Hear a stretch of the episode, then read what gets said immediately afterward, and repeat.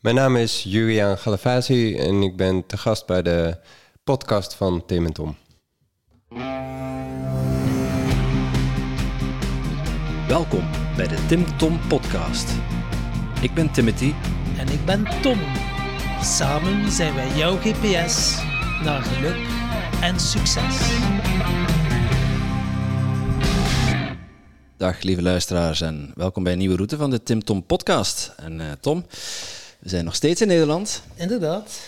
En uh, ik moet wel zeggen, nu, uh, ik zit al te stuiteren op mijn stoel. Ik had laatst een podcast gehoord met een dokter Juliaan. Wauw, ik word echt van mijn sokkel geblazen. Ik dacht, wow, ik zei, die wil ik alleszins in onze podcast hebben. Dat was ongelooflijk. Wat is dat zo speciaal aan, aan dokter Juliaan? Ja, heeft alles te maken met gezondheid van lichaam en geest, maar dan niet enkel op fysiek, maar het heeft een bestseller geschreven van klacht naar kans. Dus hij gaat op emotioneel vlak gaan kijken en dan uh, gaat hij daar het werken aan werken, waardoor dan uw fysieke klachten ook opgelost worden. Oké, okay, interessant. Heel interessant. Ben benieuwd. Ja, ik zit met duizenden vragen, dus laten we maar snel starten. Right. Julian. Hey. Welkom bij ons in de podcast. En, ja, dankjewel. En leuk dat we bij jou mogen langskomen. Zeker, welkom. Fijn om jullie hier te mogen ontvangen ook. Ja.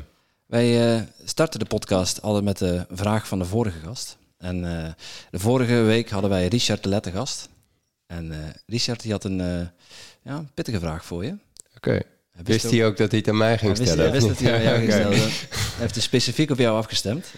Ja, en zijn vraag was: uh, hoe kunnen mensen deze huidige crisis gebruiken als kans, zowel op fysiek en mentaal vlak als mentaal vlak? Oké, okay, de huidige maatschappelijke crisis. Zeg ja. Oké. Okay. Nou, uh, wat mij betreft begint het altijd bij nieuwsgierigheid. Dus um, en eigenlijk door jezelf dan de vraag te stellen van oké, stel nou dat deze situatie, de gebeurtenissen die er nu plaatsvinden, stel nou dat die in essentie bedoeld zijn om mij te helpen, wat zou het me dan eigenlijk kunnen brengen? Dus in plaats van dat het me dwars zit of me misschien wel iets ontneemt, wat komt het me eigenlijk brengen? Wat wil het me vertellen? Met andere woorden, wat kan ik eruit leren? Hoe kan ik erin groeien? En hoe kan ik mezelf daarin ontwikkelen? Dus op het moment dat je nou, misschien lopen mensen tegen weerstand aan of tegen uh, nou, bijvoorbeeld onrechtvaardigheid. Um, of dat ze het gevoel hebben dat hun vrijheid hen ontnomen wordt. Dan kan het waardevol zijn om jezelf te bekijken van oké, waar laat ik mijn gevoel van rechtvaardigheid of waar laat ik mijn vrijheid dan eigenlijk van afhangen? En hoe kan ik dat weer in mezelf gaan vinden? In plaats van dat ik de kwaliteit van mijn leven laat afhangen van wat wel of niet rechtvaardig zou zijn in mijn ogen gaat het leven niet over rechtvaardig of onrechtvaardig. Ook niet over iets juist is of onjuist. Of het goed is of fout. Maar is de bottom line altijd wat draagt nou het meest bij aan de relatie tussen mij en mezelf? Dus hoe kan ik de huidige situatie gebruiken om de relatie tussen mij en mezelf weer naar een beter niveau toe te brengen? Beter in de zin van wat goed en kloppend is voor mij. En zodra je jezelf die vraag stelt, dan gebeurt er eigenlijk iets magisch. Want dan wordt jouw leven niet meer bepaald door de omstandigheden, maar dan krijg jij opeens weer leiding over de omstandigheden. En dat gaat iets met je doen.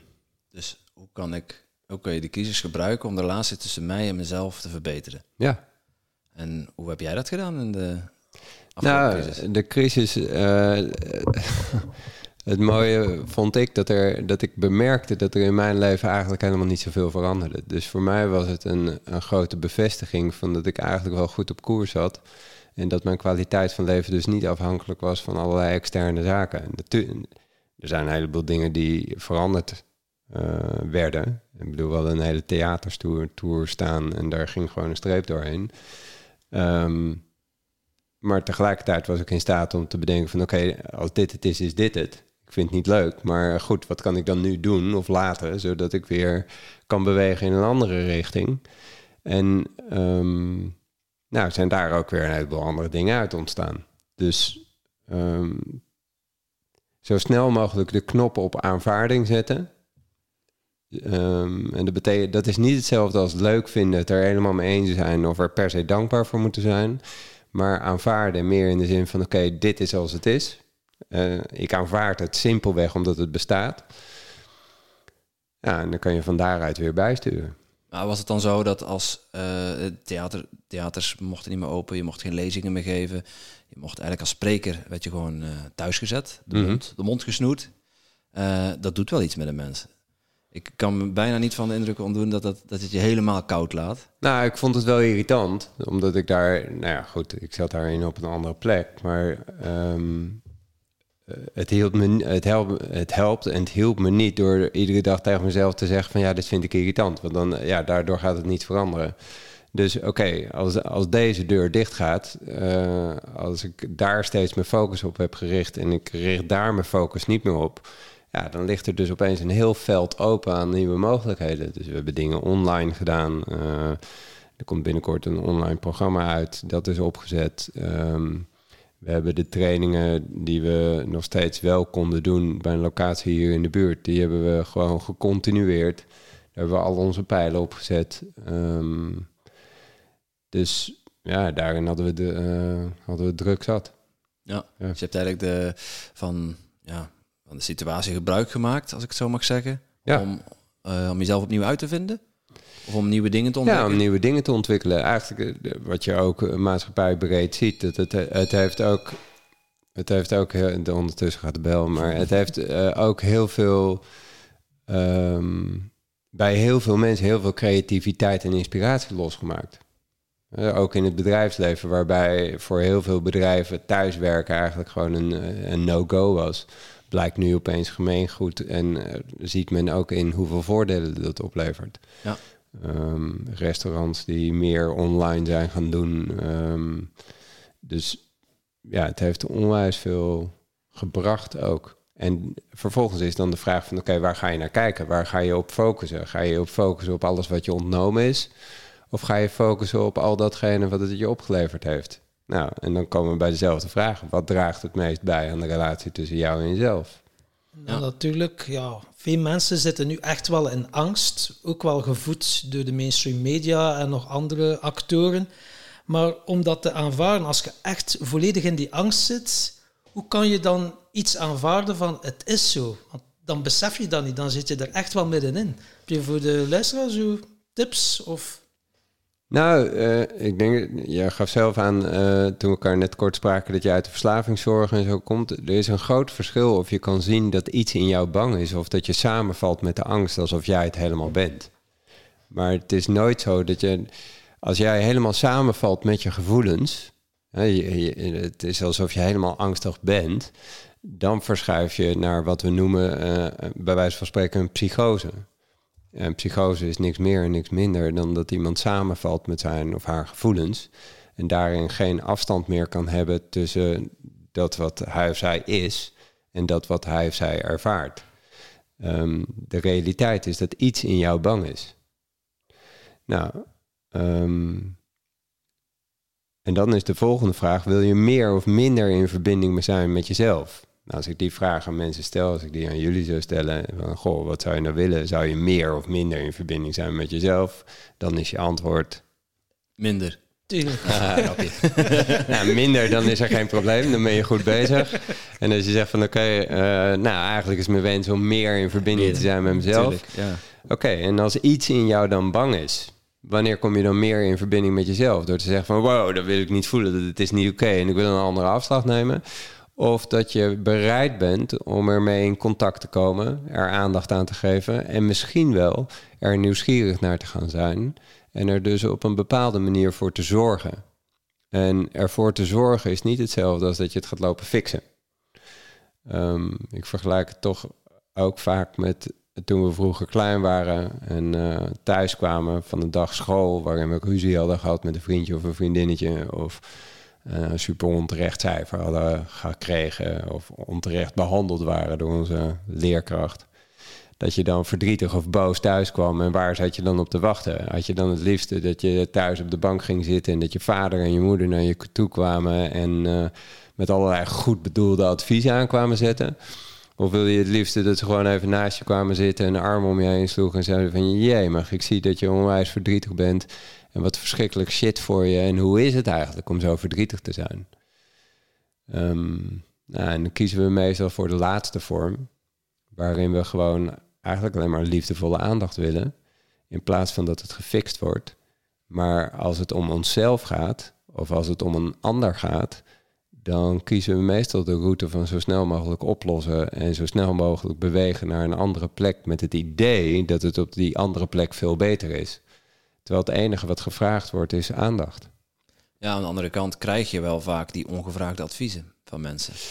Ja, en dan heb je dus daar, maar je hebt daar goed voor jezelf te zorgen. Dat is de reden waarom je jezelf op de allereerste plek hebt te zetten, zodat je ook uh, tegen de ander kan zeggen van goh, uh, dank voor je adviezen, maar dat is eigenlijk niet waar ik nu op zit te wachten. En natuurlijk, ja, die angst, denk dan aan die verslavingen. Heel veel mensen angst gaan vluchten of zichzelf verdoven. Hebt genoeg afleidingen, dan ze het zelfs niet beseffen dan ze dat aan doen zijn. Nee, maar de, de, we kiezen natuurlijk altijd de weg om daar zo snel mogelijk vandaan te gaan. Iets in jou die zegt van, wow, ik ben bang, dat, dat is niet oké. Ik wil op zoek naar rust of ontspanning of vrijheid of uh, plezier in mijn leven. En um, ja, daarmee verbreek je eigenlijk de verbinding met jezelf, wijs je jezelf af. En ja, de weg omlaag is altijd makkelijker dan de weg omhoog. Dus je kiest liever er niet voor om met de angst in aanraking te komen, maar je kiest liever voor een stukje gemak. En in deze maatschappij hebben we natuurlijk onwijs veel mogelijkheden om te vluchten in allerlei randzaken. Uh, de koelkast is uh, vrijwel altijd gevuld. Uh, je kan je verliezen in voeding, in drank, in nou ja, andere verdovende middelen. Um, maar je kan je ook verliezen in meer sociaal-maatschappelijk geaccepteerde vormen als snoeihard werken, heel intensief sporten, um, maar ook je meditatiekussen, je mindfulness cursus of je yoga matje um, of je ayahuasca sessie kan op de manier ook een verslaving worden of een, ja, een escape om de daadwerkelijke realiteit niet aan te hoeven kijken. En, en wat, wat ligt daar volgens jou onder? Angst. Uh, altijd angst. Iets in jou is bang. Iets in jou is bang om um, om iets te verliezen. Dus uh, je blijft toch maar doorgaan met je werk, terwijl je aan alles voelt dat het niet oké is. Dus uh, ga je op maandag uh, ga je naar je yoga klasje, zodat je weer wat ontspanning kan voelen. Zodat je dinsdag weer vol gas door kan op je werk. en waarom blijf je je werk doen? Nou, omdat je toch vindt dat je een hypotheek hebt, je hebt je gezin te onderhouden. En als je je werk niet meer hebt, dan ben je misschien niet meer de geliefde persoon, heb je je bestaansrecht niet, ben je geen goede vader of een moeder. Um, en word je dus niet goed bevonden door je omgeving en voldoe je niet aan de maatschappelijke normen en waarden. Dus kies je daar er dan maar voor om maar vol gas door te gaan, terwijl het juist het pad is wat niet kloppend is. Dus we kiezen daar uit de angst om iets te verliezen in plaats van dat we daar kiezen vanuit een verlangen. Nou, en dan is de volgende stap dat we merken dat het niet oké is. Toch gaan we maar door. Nou, dan krijg je nekpijn of rugpijn. Of je krijgt uh, last van je maag of hartkloppingen of een hoge bloeddruk. Dan gaan we naar de dokter. En uh, de dokter is ook een mens. Dus die uh, wil zich ook graag goed voelen. En die heeft geleerd dat hij zich goed en beter gaat voelen... als die de ander zo snel en zo kundig mogelijk van zijn klacht afhelpt. En dan kom je natuurlijk in een soort spiraal terecht die voor beide partijen niet goed is. Want voor de, uh, voor de desbetreffende persoon, die vraagt eigenlijk om een structurele oplossing. En de dokter, die wil eigenlijk zo snel mogelijk die ander helpen. En die helpt hem dan door hem of haar een pil te geven of door te verwijzen. En dat werkt, dat werkt supergoed. Dus die persoon is klachtenvrij, zodat hij zijn pad weer kan vervolgen. Terwijl dat nou net hetgene is wat die persoon ziek maakt. Um, en dan mis, je, ja, dan mis je dus allebei een afslag. Ja, Soms is het waardevoller om iemand wat langer op de, op de plek van de pijn of van de angst of het verdriet te houden. En dan dus de vraag te stellen van, goh, stel nou dat dit er is voor jou. Wat zou het je dan eigenlijk willen vertellen? Ja. Wat kan jij veranderen in jouw leven, zodat het weer goed en kloppend is voor jou? Maar dan, dat gevoel is er en ja, dan ken het, die een onweerstaanbare drang om toch te vluchten hoe kan je dan toch zeggen van halt, stop? Ja, leren blijven. leren blijven op die ongemakkelijke plek. Daar stilstaan. En dus gaan ontdekken dat op die ongemakkelijke plek... dat je daar nog steeds vaste grond onder je voeten hebt... en dat het plafond niet naar beneden komt. Je nog steeds kan ademhalen. Want eigenlijk een hele waardevolle plek is om te zijn. En dat begint door eerst te erkennen dat het er is. Dus, uh, er zijn uh, vrij simpele methoden die uh, alleen al door, nou, wat in het boek ook wel beschreven staat, van, door de zin te herhalen van oké, er is een gevoel. Nou, wat, wat, we net zeiden, dus als je angst bemerkt, oké, er is een gevoel van angst. Iets in mij is angstig. Oké, daar kan ik mee zijn. Ja, wat merk je dan als je dat zegt? Ja, dan gaat mijn hart keer of ik word dichtgeknepen bij mijn keel. Oké, er is een gevoel van een dichtknijpen van je keel. Er is een gevoel van benauwdheid. Nou, wat merk je dan als je dat zegt? Ja, dan wordt het misschien erger of het wordt minder. Of... Maar daar kan je iemand heel stap voor stap kan je daar doorheen loodsen. En dat hij voelt van oké, weet je, iets in mij is benauwd. Maar dat betekent niet dat meteen uh, alle poten onder mijn stoel vandaan worden gezaagd. Nou, en dan kan je dus verschuiven naar een plek van nieuwsgierigheid. Stel dat die benauwdheid er is voor mij. Wat zou dat dan eigenlijk betekenen? Ja, dat betekent eigenlijk dat ik, uh, dat ik zo'n enorme behoefte heb aan rust. Ik ben eigenlijk altijd maar aan het jagen en aan het rennen. Altijd bezig met hoe een ander het naar zijn of haar zin heeft. Eigenlijk ben ik daar zo verschrikkelijk moe van. Oké. Nou, en zo fileer je dat gewoon laagje voor laagje. Geen haast, we hebben alle tijd. En dan kom je tot de daadwerkelijke kern waar het over gaat. Dat iemand zich gewoon totaal heeft weggegeven. Altijd heeft afgestemd op een ander. Um, en dat het eigenlijk tijd is dat die persoon ja, zijn of haar verlangen wil gaan realiseren. Maar dat dat spannend is. Opnieuw spannend. Want als jij je verlangen gaat realiseren en je gaat, je gaat uitspreken wat jij wilt en waar jij voor staat ja, reken maar dat er mensen op je pad komen die het niet met je eens zijn en uh, die je voor ik weet niet wat uitmaken. En dat kan dus soms een eenzaam en angstig pad zijn. En hoe heb jij die switch gemaakt of zei jij met al die kennis zo geboren? nee, nee, nee. Uh, nou, net als ieder ander ook gewoon een live event, alle poten onder me vandaan gehaald. En uh, dat ik me wel vrij snel realiseerde van oké, okay, hier gaat de reguliere geneeskunde me niet helpen. En had ik uh, vrij snel door dat, ik, dat het lijntje tussen mijn hoofd en mijn gevoel echt uh, flinterdun was geworden. Dus uh, daar had ik iets te herstellen.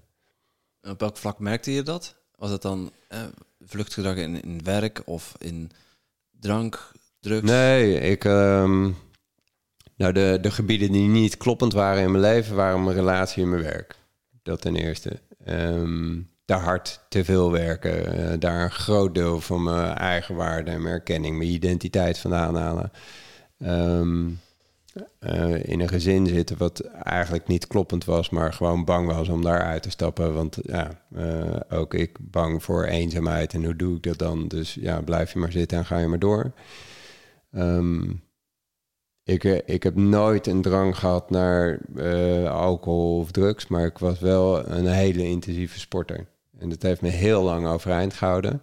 Maar letterlijk en figuurlijk voor heel veel dingen gewoon weggelopen. Um, dus ja, uiteindelijk, uiteindelijk ging het gewoon niet meer. Um, en toen heeft mijn lijf nog wel heel veel signalen gegeven. Van echt uh, heftige hartkloppingen, ritmestoornissen, mijn rug gebroken met skiën, mijn schouder met fietsen. En, en nog uh, was ik niet tot stilstand te brengen. Maar uiteindelijk viel het kwartje wel en realiseerde ik me van oké, ik, heb hier, ik heb hier gewoon echt alles te laten vallen. Kun je dat moment nog herinneren? Oh ja, uh, de dag was gisteren. Dat ik mijn vader was ook huisarts en uh, we hadden samen eigenlijk een praktijk. Hij werkte op dat moment voor mij. We hadden de rollen omgedraaid. En um, hij kwam bij mij de spreekkamer binnen om even te vragen hoe het met me ging. Uh, dus hij vroeg dat van hoe gaat het eigenlijk met je? En nou, dat moment, als ik het nu zo vertel, kan ik het nog voelen. Dat ik, dacht, dat ik echt zei van nou, het gaat gewoon niet meer. Ja. Dus toen, uh, toen zakte ik door de knieën en... Uiteraard nog de dingen afgemaakt waarvan ik vond dat ik de enige was die dat kon. En een maand later definitief de strekker uh, eruit getrokken. Ja. Nou, uh, super waardevol. Spreken we dan van een burn-out? Was dat, uh... Ja, burn-out, depressie, echt de, hele, de hele zandkam. lichamelijk en fysiek gebroken en mentaal gewoon gebroken. Ja. En ja, nu zie ik u hier zitten en blijkbaar heb je dat dan toch wel uh, redelijk goed aangepakt. Kan je ja, eens een keer meenemen uh, hoe dat, uh, dat pad hebt bewandeld om nu hier zo topfit... Oh ja, maar het is door heel veel verschillende dingen. Um, eerst bij iemand geweest die ik via via al veel eerder had leren kennen... en waarvan ik toen heel veel patiënten daar naartoe had verwezen. toen ik daar voor het eerst van hoorde... Um, zij deed de helende reis van Brandon Bees. En... Um, uh, ik kon haar wel volgen, kon wel horen wat ze zei, maar ik kon nog niet één minuut mijn ogen sluiten. Dus uh, die kwartjes die vielen gewoon niet. Dus toen heb ik dat weer afgebroken, ben ik toch naar een reguliere psycholoog gegaan. En die heeft ook wel heel veel waardevolle dingen gezegd. En het waar meest waardevolle wat zij zei is van... joh, joh, ga eerst op jezelf, ga kijken wat daaruit ontstaat. Misschien mis je je partner, misschien ook niet, maar eerst tijd en aandacht voor jezelf. Um, toen werd dat eigenlijk een beetje te psychologisch en te analytisch. Dus toen ben ik naar een haptonoom gegaan. Die vertelde mij toen de, de heroïsche woorden, wat voor mij tot dan toe echt een no-go was. Die zei van, joh, het is helemaal oké om het niet te weten. Nou, dat kwam in mijn woordenboek niet voor. Ehm, hij vertelde de mooie metafoor dat ik als het ware op een rotonde aan het lopen was. En ik ging iedere keer een afslag in. En na 100 meter dacht ik van nou nee, dit is het niet. En dan ging ik weer terug en dan ging ik weer rondjes rennen. Een nieuwe afslag, weer. Nee, dit is het ook niet. Weer terug, weer rondjes rennen. Hij zegt wat jij hebt te doen is gewoon een stoel neerzetten midden op de rotonde. Gaan zitten en niks doen. En... Uh, Niks doen stond waarschijnlijk ook niet in je woordenboek. Nee, niks doen stond ook niet in mijn woordenboekje, inderdaad. Dus um, nou, dat heb ik geweten. Uh, en dat, dat, dat, heb ik ook echt uh, aangenomen. En dat ben ik gaan doen. Um, en toen nou, heb ik kunstzinnig coach gedaan. Via schilderen heb ik heel veel... Uh, nou, ben ik dicht bij mezelf gekomen. Een aantal coachtrajecten. nou ja, je kan het zo gek niet bedenken. Hypnotherapie, um, PRI. Um, Past Reality Integration van Ingeborg Bos. Um, en dat was eigenlijk ook het moment waarop er een soort overgang was waarin ik me sterk genoeg voelde om weer te gaan werken. En ik dus eh, tot de conclusie kwam dat heel veel mensen die bij me kwamen met een bepaalde klacht, dat het helemaal niet ging over de klacht waarvoor ze kwamen. Maar dat, dat, dat daar iets onder lag. En hoeveel maanden uh, zit er tussen van uw eh, crash tot wanneer dat... Ja, dat is weer een apart verhaal. want ik was net daarvoor was ik geswitcht van de arbeidsongeschiktheidsverzekering met het idee van, want de, verzekering die ik had, die was echt vele malen duurder dan uh, het andere alternatief. Met het idee van, nou ja, weet je, ik ga dat toch nooit nodig hebben. Maar echt een maand later stortte ik in elkaar. Dus uh, de nieuwe partij die dacht van, nou, dit, is doorgestoken kaart. Uh, maar dat was niet zo. Maar ja, ik kan me ook wel voorstellen dat zij daar op een andere manier naar keken. Dus ja, zij keerde gewoon niet uit. Uiteindelijk hebben ze wel wat uitgekeerd, maar uh, relatief te weinig. Dus ik, moest eigenlijk na twee, drie maanden, moest ik gewoon weer aan de bak. Veel en veel te vroeg. Um, maar goed, uh, het was wat het was. Doe wat kan je doen. Um, dat heeft me ook wel leren zien dat als mensen nu met een burn-out komen, het eerste wat ik zeg, dit krijgt de tijd die ik nodig heb. Er staat geen tijd voor. Er staat niet twee maanden, niet vier maanden, niet zes maanden. Misschien is het een jaar, misschien is het drie jaar, misschien is het vijf jaar. Um, maar er staat gewoon geen tijd voor. Het slechtste wat je kan doen is om zo snel mogelijk aan de bak te gaan. Ga eerst maar werken aan de relatie tussen jou en jezelf. Dus um, ja, antwoord op je vraag. Uh, na twee, drie maanden was ik er wel weer aan het werk. Maar dat ik me echt goed voelde en uh, ook de koers ging varen die kloppend voor me was was ik twee, drie jaar verder. Zo. Ja. Heb je eigenlijk twee jaar, tweeënhalf jaar op je tandvlees? Uh, nou, het is een geleidelijke schaal. Het, het, herstel ging natuurlijk langzaam. En ik was. Uh, mijn redding is geweest uh, ook wel weer dat ik een praktijk had. Waarbij ik dus ging merken dat heel veel mensen dus niet voor hun klacht kwamen, maar voor iets anders. En het gunstige van een huisartsenpraktijk is natuurlijk daar waar je bij een coachpraktijk eh, ja, moet laten zien wie je bent en dat mensen dan naar je toe komen of niet. Een huisartsenpraktijk, daar ga je natuurlijk gewoon zitten op maandagochtend. Je doet je deur open en ze komen vanzelf binnen. Dus eh, daar hoef je niks voor te doen. Dus ik, heb een, ik had een praktijk van 3000 patiënten. En ik kon dus iedere dag, niet één keer, niet twee keer, niet, niet drie keer, maar ik kon echt 30 keer op een dag een verhaal vertellen Ehm, om mensen te begeleiden naar een andere plek toe. Maar iedere keer dat ik het verhaal aan een ander vertelde, vertelde ik het natuurlijk opnieuw aan mezelf. Dacht ik in mijn achterhoofd van ja, Galafasi, je hebt leuk, lullen, maar uh, hier heb je zelf ook nog wat te doen. En um, dus in die twee, drie jaar heb ik eigenlijk gewoon 365 dagen per jaar, 30 keer op een dag, mezelf ook gecoacht, terwijl ik dat bij een ander deed. En um, dat heeft een enorme vlucht genomen. Naast alle dingen die ik daarnaast natuurlijk nog deed op gewoon persoonlijke ontwikkeling, waarbij ik hulp inriep van anderen. Dus ik had daar een onwijze nieuwsgierigheid naar, nou, misschien wel bijna masochistisch, om echt af te dalen eh, tot zover, tot zover ik kon. En dat doe ik tot op de dag van vandaag. In de put bedoel je? Ja, echt tot op de bodem. Omdat ik erin geloof dat je iemand kan begeleiden uh, tot de plek waar je zelf bent afgedaald zodat je kan voelen en kan ervaren waar iemand zit. En dat het niet jouw proces wordt, maar dat je echt tijd en geduld en ruimte hebt om de ander te begeleiden op de plek waar hij of zij staat. En daar zo de vragen kan stellen die nodig zijn om iemand uh, wakker en alert te houden, zodat hij de relatie tussen hem en haar, of hem en haarzelf, uh, naar een betere plek toe kan brengen. En is het essentieel om eerst tot aan de bodem te komen, of kan je iets vroeger zeggen van, hm, dat is niet nodig die, die, tot die hele diepte komen? Persoonlijk denk ik, als, als coach, als begeleider, denk ik dat um, Weet je, je gaat ook niet je auto repareren en laten repareren bij iemand die, uh, die er een beetje van af weet. Dus uh, laat je begeleiden als je je laat begeleiden door iemand die echt gewoon, ja, die alle klappen van de zweep zelf ook heeft ervaren. Ik bedoel, jij bent niet voor niks een ervaren coach op het gebied van verslavingszorg, uh, omdat je de klappen van de zweep kent. Ja, dat, dat is waardevol. Daarmee zeg ik niet dat de coach die dit allemaal niet heeft meegemaakt, dat hij niet goed is. Maar er kan een verschil zijn. Um, voor de mensen uh, die nog niet op dat punt zijn uitgekomen en die gewoon met een vraag komen, ja, godzijdank heb je geen live event nodig om toch te kunnen veranderen. Um, maar het is wel waardevol om de realiteit aan te gaan kijken. En dat willen heel veel mensen niet. Veel mensen die ja, die stoppen hun kop in het zand. Die wenden hun blik af of die willen moedwillig blind blijven voor de ellende in hun leven. En daar hebben ze ook baat bij. Want zolang, uh, zolang je blind blijft voor je eigen onvolkomenheden en je eigen, ja, je eigen wangedrag.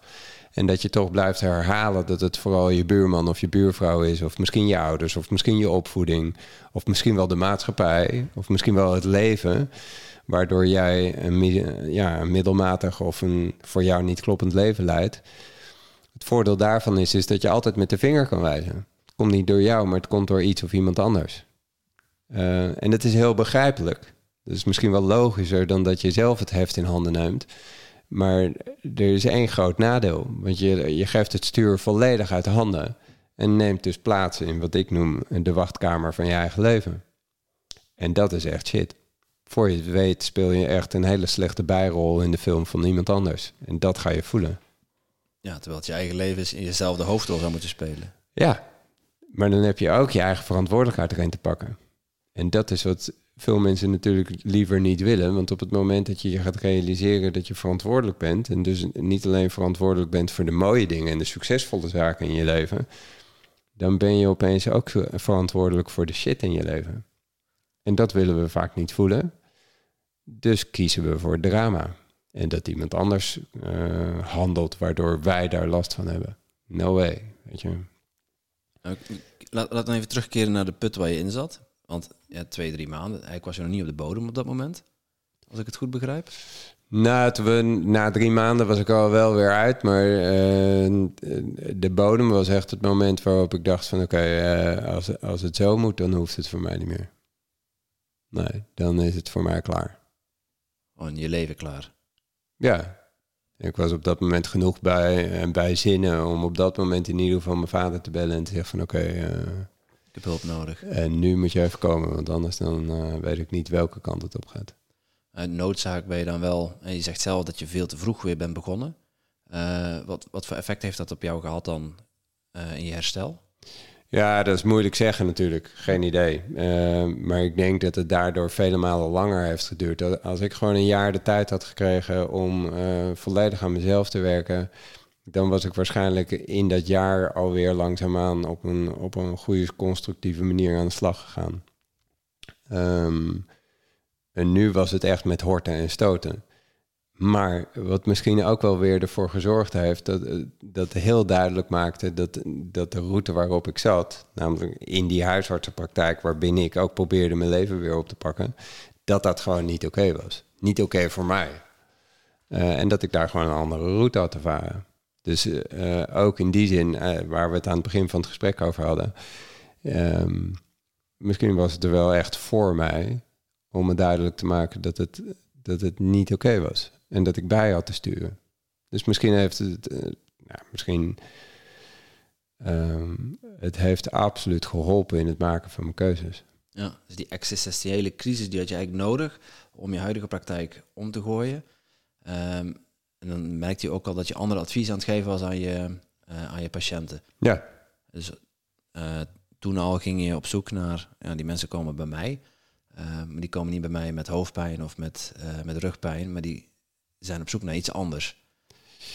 Ja. wat- Ja, Wat- niet zozeer op zoek. Het is grappig dat je dat zegt. Ehm, veel mensen zijn natuurlijk op zoek naar iets anders. Maar de, de, de kunst is om te kijken van... oké, wat maakt nou dat ik zo'n hoofdpijn heb... of pijn in mijn schouders of pijn in mijn lijf? En dat je dan dus niet gaat zoeken naar de oplossing... maar dat je eerst gaat kijken van... hé, hey, wat klopt er nou eigenlijk niet? Wat is nou niet oké? Eh, Mijn relatie is niet kloppend. Of eh, wow, de relatie met mijn ouders is gewoon nog steeds niet oké. Uh, of ik doe inderdaad werk wat gewoon niet kloppend is en wat me sloopt, wat me leegtrekt en waarin ik relaties heb die eerder giftig voor me zijn dan dat ze me voeden. En oké, als, dat, als dat het is waardoor ik me zo ellendig voel, dan heb ik dus daarin te gaan snijden.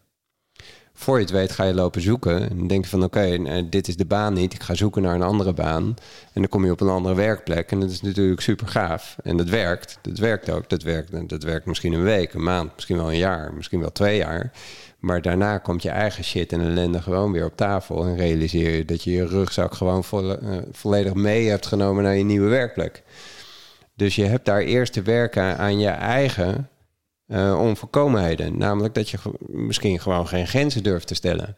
En dat, dat, dat je daar onwijs tegenaan liep in je vorige werk. Omdat je daar continu dingen deed die eigenlijk niet op jouw bordje hoorden. Maar en die je toch maar weer oppakte. Je daar niet in herkend en gewaardeerd voelde.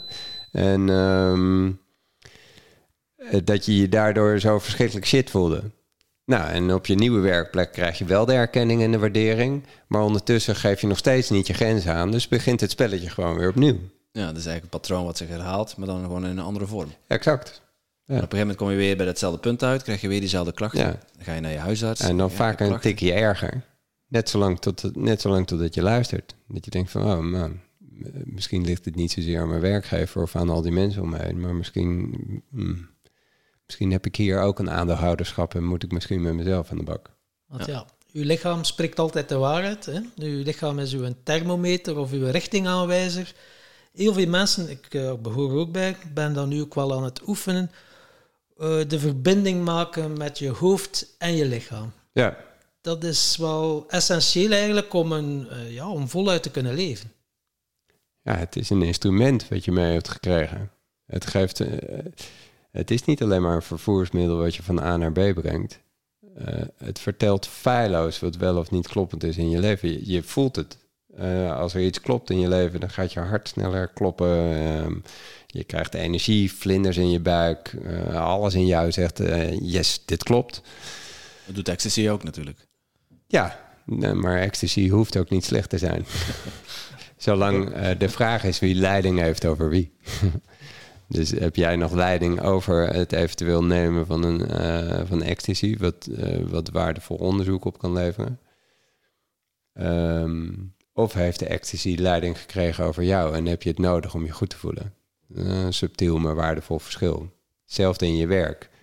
Heb jij uh, als werk, als, als leidinggevende of als het je eigen bedrijf is, heb jij nog leiding over je bedrijf? Of heeft je bedrijf stiekem leiding gekregen over jou en vind je dat je per se je bedrijf goed moet leiden en dat je toch die ene klant op zondagavond nog per se um, een mail moet sturen terwijl je het eigenlijk niet wilt? Ja, wie heeft nou leiding over wie? Um, en ook, ik zit nog wel eens op zondagavond een, een, een, mail te sturen. En soms, ik bedoel, ik ben natuurlijk net zo slecht en fout als ieder ander. Maar ik probeer wel steeds te bedenken van... oké, is dit nou echt iets wat ik wil? Of is dit iets wat ik doe in de hoop om er iets voor terug te krijgen? En ook dan kan het zijn dat ik op zondagavond denk van... nee, maar dit, dit voelt gewoon kloppen. Dit kost me geen energie en ik doe dit graag op dit moment. En of, of het me nou wel of niet iets oplevert, ik doe dit graag. Maar er zijn ook zeker momenten dat ik iets doe omdat ik bang ben dat ik daardoor anders afgewezen word. Nou, dat is waardevol om dat te erkennen, want dat is het moment waarop je bij te sturen en te denken van nee, no way, weet je. Uh, liever de afwijzing dan dat ik hier de verbinding met mezelf ga verbreken. Dus kan je ieder moment, wanneer jij dat wil, kan je dan de stekker eruit trekken. Als je dan tot de conclusie komt van nee, dat vind ik te spannend of dat wil ik eigenlijk niet. Oké, maar dan heeft iets anders leiding over jou gekregen in plaats van dat jij nog leiding hebt over jouw leven.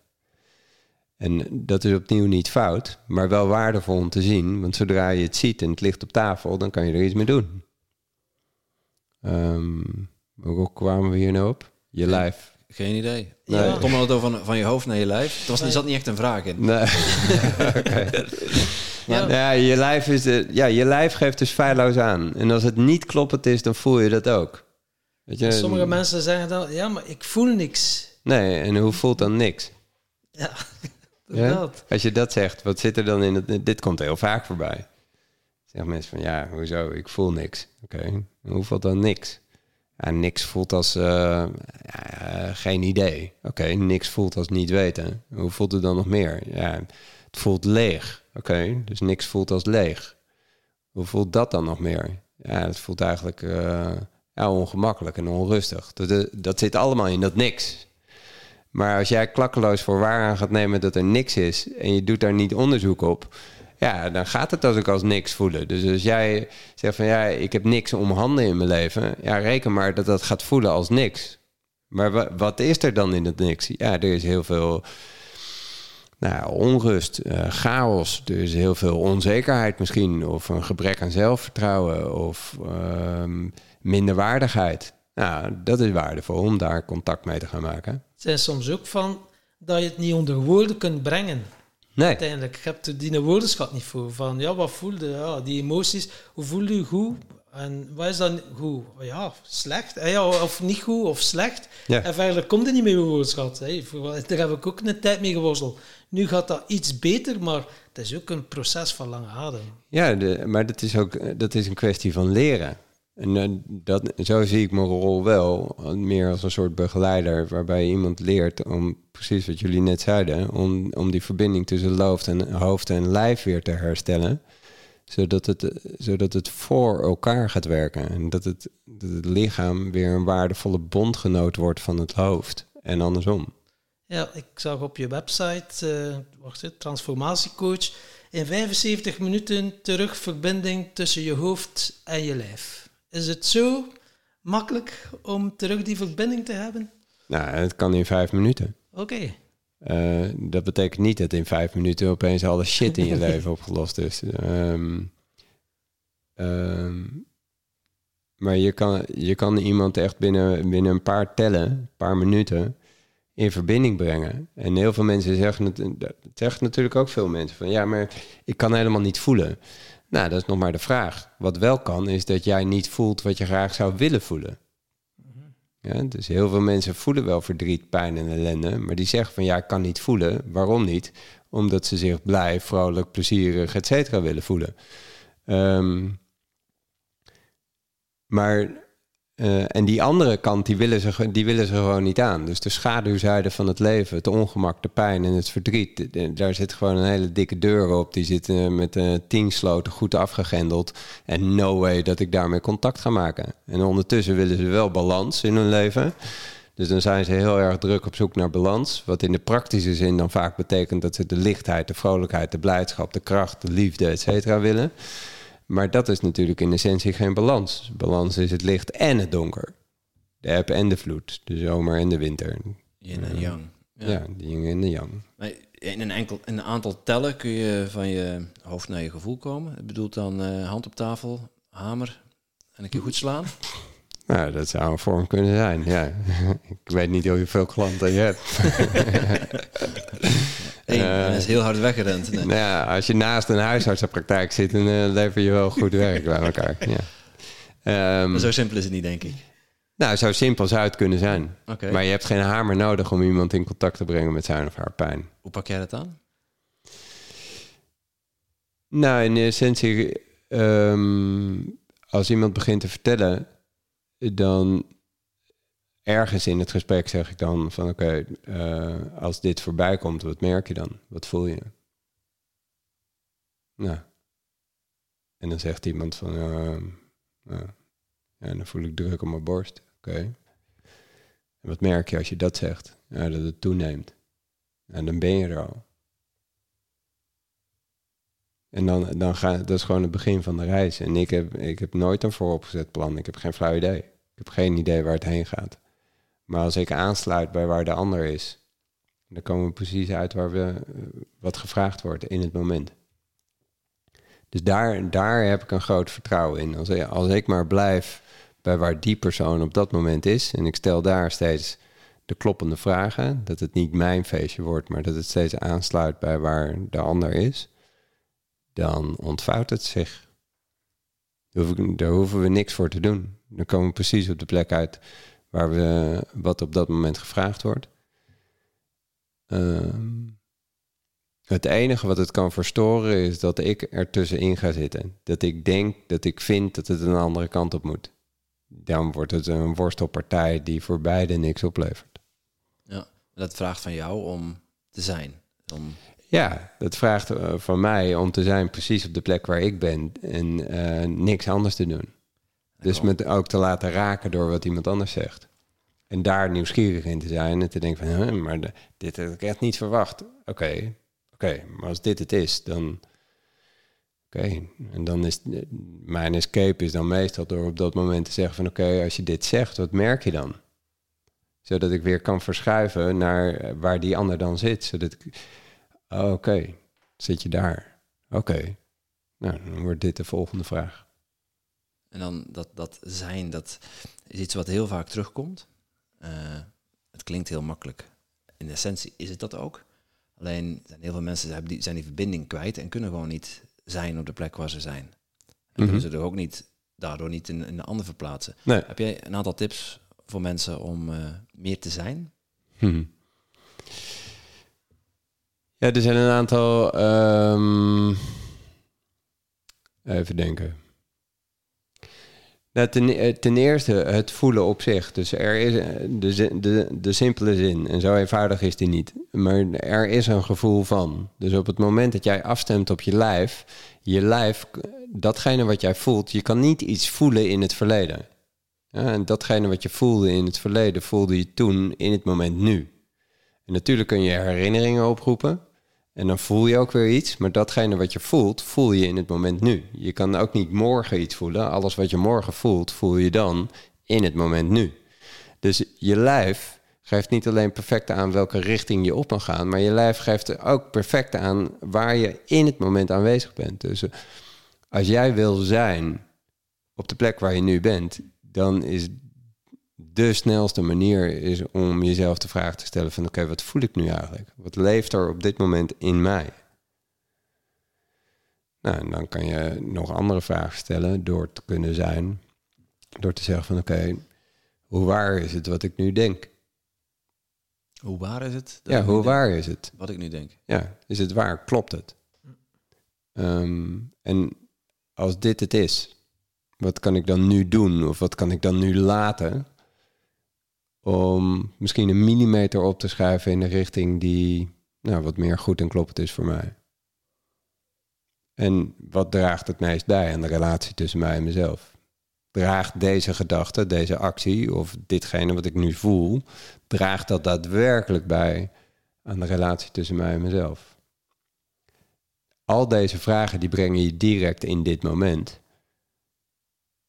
Nou, dat is waardevol om zo. Het is eigenlijk gewoon een hele. Je zou het een korte, hele korte meditatie kunnen noemen. Alleen al die zin van: Goh, is het waar wat ik nu denk?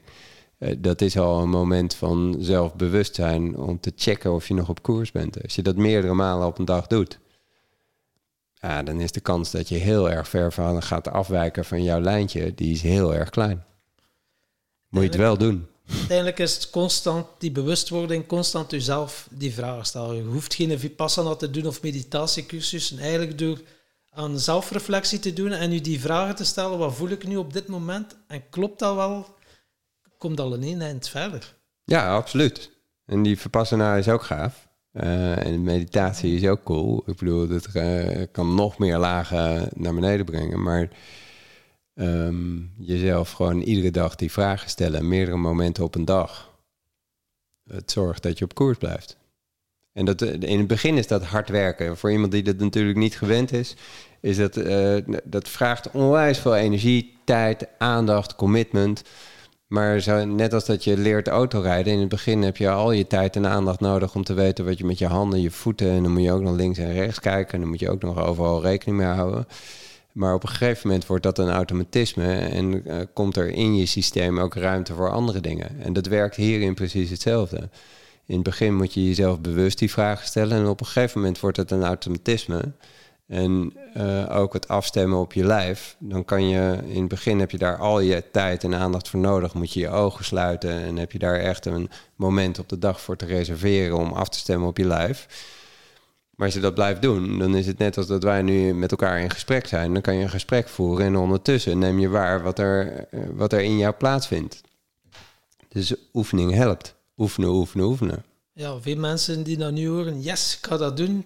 En dat zijn dan gelijk de nieuwjaarsvoornemens. Ja, een paar weken en dan... Yep, nou, ga er maar vanuit dat je eerst een heleboel frustratie en uh, ellende tegen gaat komen. Uh, je, je, hebt iets nieuws te leren, maar zie, zie het als een proces. Zie het als iets wat tijd nodig heeft en waarin je mag leren, groeien en ontwikkelen. Dan, dan ben je die drempel en die weerstand in ieder geval ook kwijt. Geef jezelf tijd.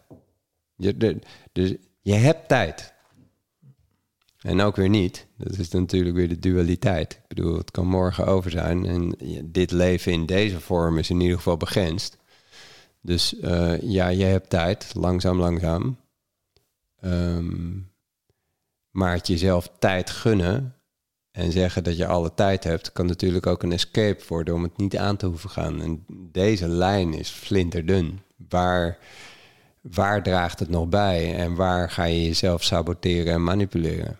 Ja, want waarbij je nog aan jezelf aan het werken of rust aan het nemen, de rust en de tijd aan het nemen, creëren voor jezelf die je nodig hebt. En waarbij je eigenlijk aan het uitstellen om niet aan jezelf te werken. Ja, exact. Dat is een, uh, een flinterdunne. Ja. Ik ook, ook uit ervaring uiteraard.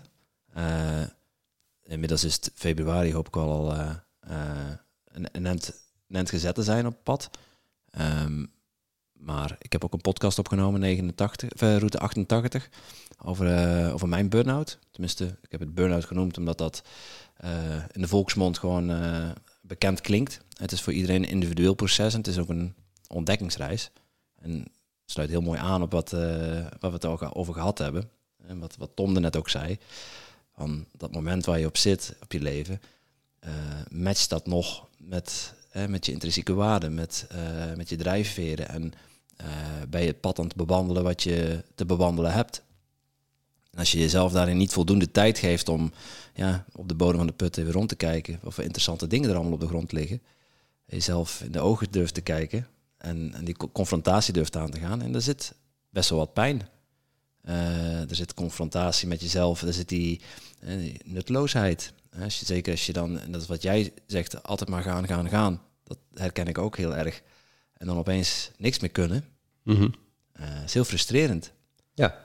Maar Nice. bijvoorbeeld ja, zo- zo'n een, een podcast opnemen zoals dit, dat geeft dan weer wel zingeving, geeft wel energie. Daar heb je dan wel de energie voor.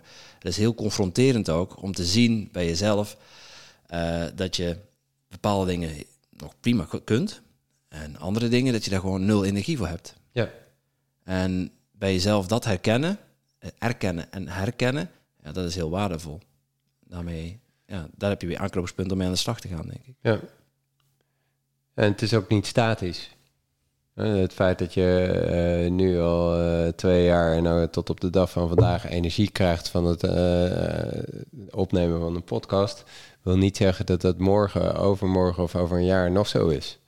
En waar ja, zijn we dan in staat om bij te sturen? Of gaan we zeg maar de verbinding met onze eigen afspraken, gaan we die belangrijker maken dan de verbinding met onszelf? Omdat we vinden, ja, maar eh, dit heb ik altijd leuk gevonden, dan moet ik het vandaag toch ook nog leuk vinden. Ik bedoel, ehm, de handtekening die je hebt geschreven op het moment dat je eh, met iemand misschien eh, in het huwelijk trad. Ja, ga je de verbinding met de ring om je vinger of de handtekening, ga je die belangrijker maken dan de verbinding met jezelf? En het gebeurt natuurlijk maar al te vaak dat we misschien aan een studie of een cursus beginnen en dat we halverwege merken van ja, eigenlijk is dit het niet.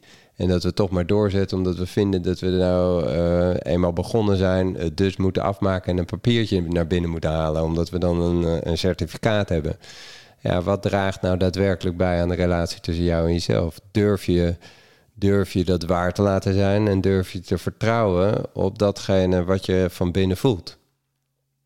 Ja, opnieuw natuurlijk wordt dat weer een spannende plek. Want waar, waar besluit je om de cursus of de training of de opleiding die je doet te stoppen? En waar draagt dat nog bij aan de relatie tussen jou en jezelf? En waar gaat het over in een escape om niet nog even door te zetten en vol te houden? Het, dit, dit verschuift continu. Dit is niet statisch. Dus heb je jezelf iedere dag die vraag te stellen. En jezelf misschien wel letterlijk in de, in de spiegel aan te kijken van... Goh, ben ik nog op koers? Ja, of moet ik bijsturen? Of Ja. moet ik een andere koers varen? Dat kan ook, hè? Ja, waar manipuleer ik mezelf? Ben ik nog trouw aan mezelf? Of eh, geef ik mezelf langzaamaan weg? Ja, En waardevolle ja, voel, je, vragen. voel je dan het in je lichaam? Want met je hoofd kan je ook veel manipule- manipuleren. Dat je zegt, oh, voel goed, maar je hebt het zodanig gekaderd in je hoofd. Ja. En dat is wel... Ja, dan eh, kan je zo'n slimme vermijder zijn, hè. Eh, Ja, dus het is allebei waardevol. Het is, eh, je, je kop heeft ook hele waardevolle dingen. Ehm, maar het is niet allemaal waar wat daar gebeurt. Het is, het is waar in de zin van dat het bestaat en dat het plaatsvindt. Maar het is niet de waarheid. Maar dat geldt voor de gevoelens in je lijf, idem dito. Weet het is waar in de zin van dat je het voelt en waarneemt. Maar voor je het weet, wordt dat gevoel gecreëerd door een gedachte die gewoon niet kloppend is. Dus is het waardevol om het altijd ge- gewoon steeds weer op tafel neer te zetten. Zowel jouw denken, maar ook jouw voelen. En eh, nou ja, ook al die meningen en ideeën van misschien een vader of een moeder, of die nou in leven is, of misschien al is overleden, of al die andere mensen die iets vinden. Eh, leg het allemaal maar op tafel en kijk of je op basis daarvan tot een gedeelde beslissing kan komen. En hoe, hoe doe je dat voor jezelf? Eh, want de waarheid is, eh, ja, voor iedereen is dat anders. Ja. Ehm, maar hoe toets jij voor jezelf af of iets waar is? Nou, precies zoals ik net zei, eigenlijk door, door- met een soort nieuwsgierigheid te kijken van oké, wat vindt mijn hoofd daar nou van? Ehm, hoe, voelt me, hoe reageert mijn lijf daarop? En wat mij heel erg helpt, is dat ik, ik geloof dat er helderheid komt. Als het er nu niet is, dan misschien morgen of over een week of over een maand. Eh, het enige wat ik hoef te doen is de vraag te blijven herstellen en het iedere dag weer op tafel neer te leggen. Ook als het vervelend is. Nee, oké, ik leg het op tafel. Wat vind ik er vandaag van? Hoe kijk ik er vandaag naar? Ehm, en te voelen van, wow, ik zou wel heel graag een oplossing willen. Ja, maar die is er niet. Oké. Oké. En dan weer, weer de vraag stellen. En er, er komt altijd helderheid. En eh, als, als jij niet beslist, dan beslist ehm, de tijd wel. Nou. En als je dan op een plek uitkomt die heel goed voelt, dan vier je een feestje en een, eh, een klopje op je eigen schouder. En als het niet oké is en je denkt van wow, maar dit is echt totaal anders dan dat ik me had voorgesteld. Nou, dan wacht je. Doe je drie stappen achteruit. en kijk je opnieuw of stuur je bij. In essentie is het zo simpel. Ja, maar het is ook alweer, uh, het is in essentie zo simpel, maar het is in essentie ook zo moeilijk. Ja. Want ja, op een gegeven moment kan er wel een tweestrijd ontstaan tussen wat jij voelt en wat je altijd gedacht hebt. Ja. Of wat je altijd denkt. Wat je denkt dat je zou moeten denken. Ook een, uh, ook een mooie valkuil. ja. We zijn natuurlijk, uh, we zijn gewoon machines. We zijn geprogrammeerd. En uh, de valkuil, nou het is mooi dat je dit zegt. De valkuil is natuurlijk dat je, dat je nog steeds draait op een oud programma. Je voelt aan alles dat het niet werkt. En wat we dan, wat ook wel een beetje een hype is op dit moment, is dat we dan onwijs gaan werken aan onszelf. Dus wat gaan we doen? We gaan uh, heel hard sporten, we gaan heel hard mediteren, we gaan werken aan persoonlijke ontwikkeling.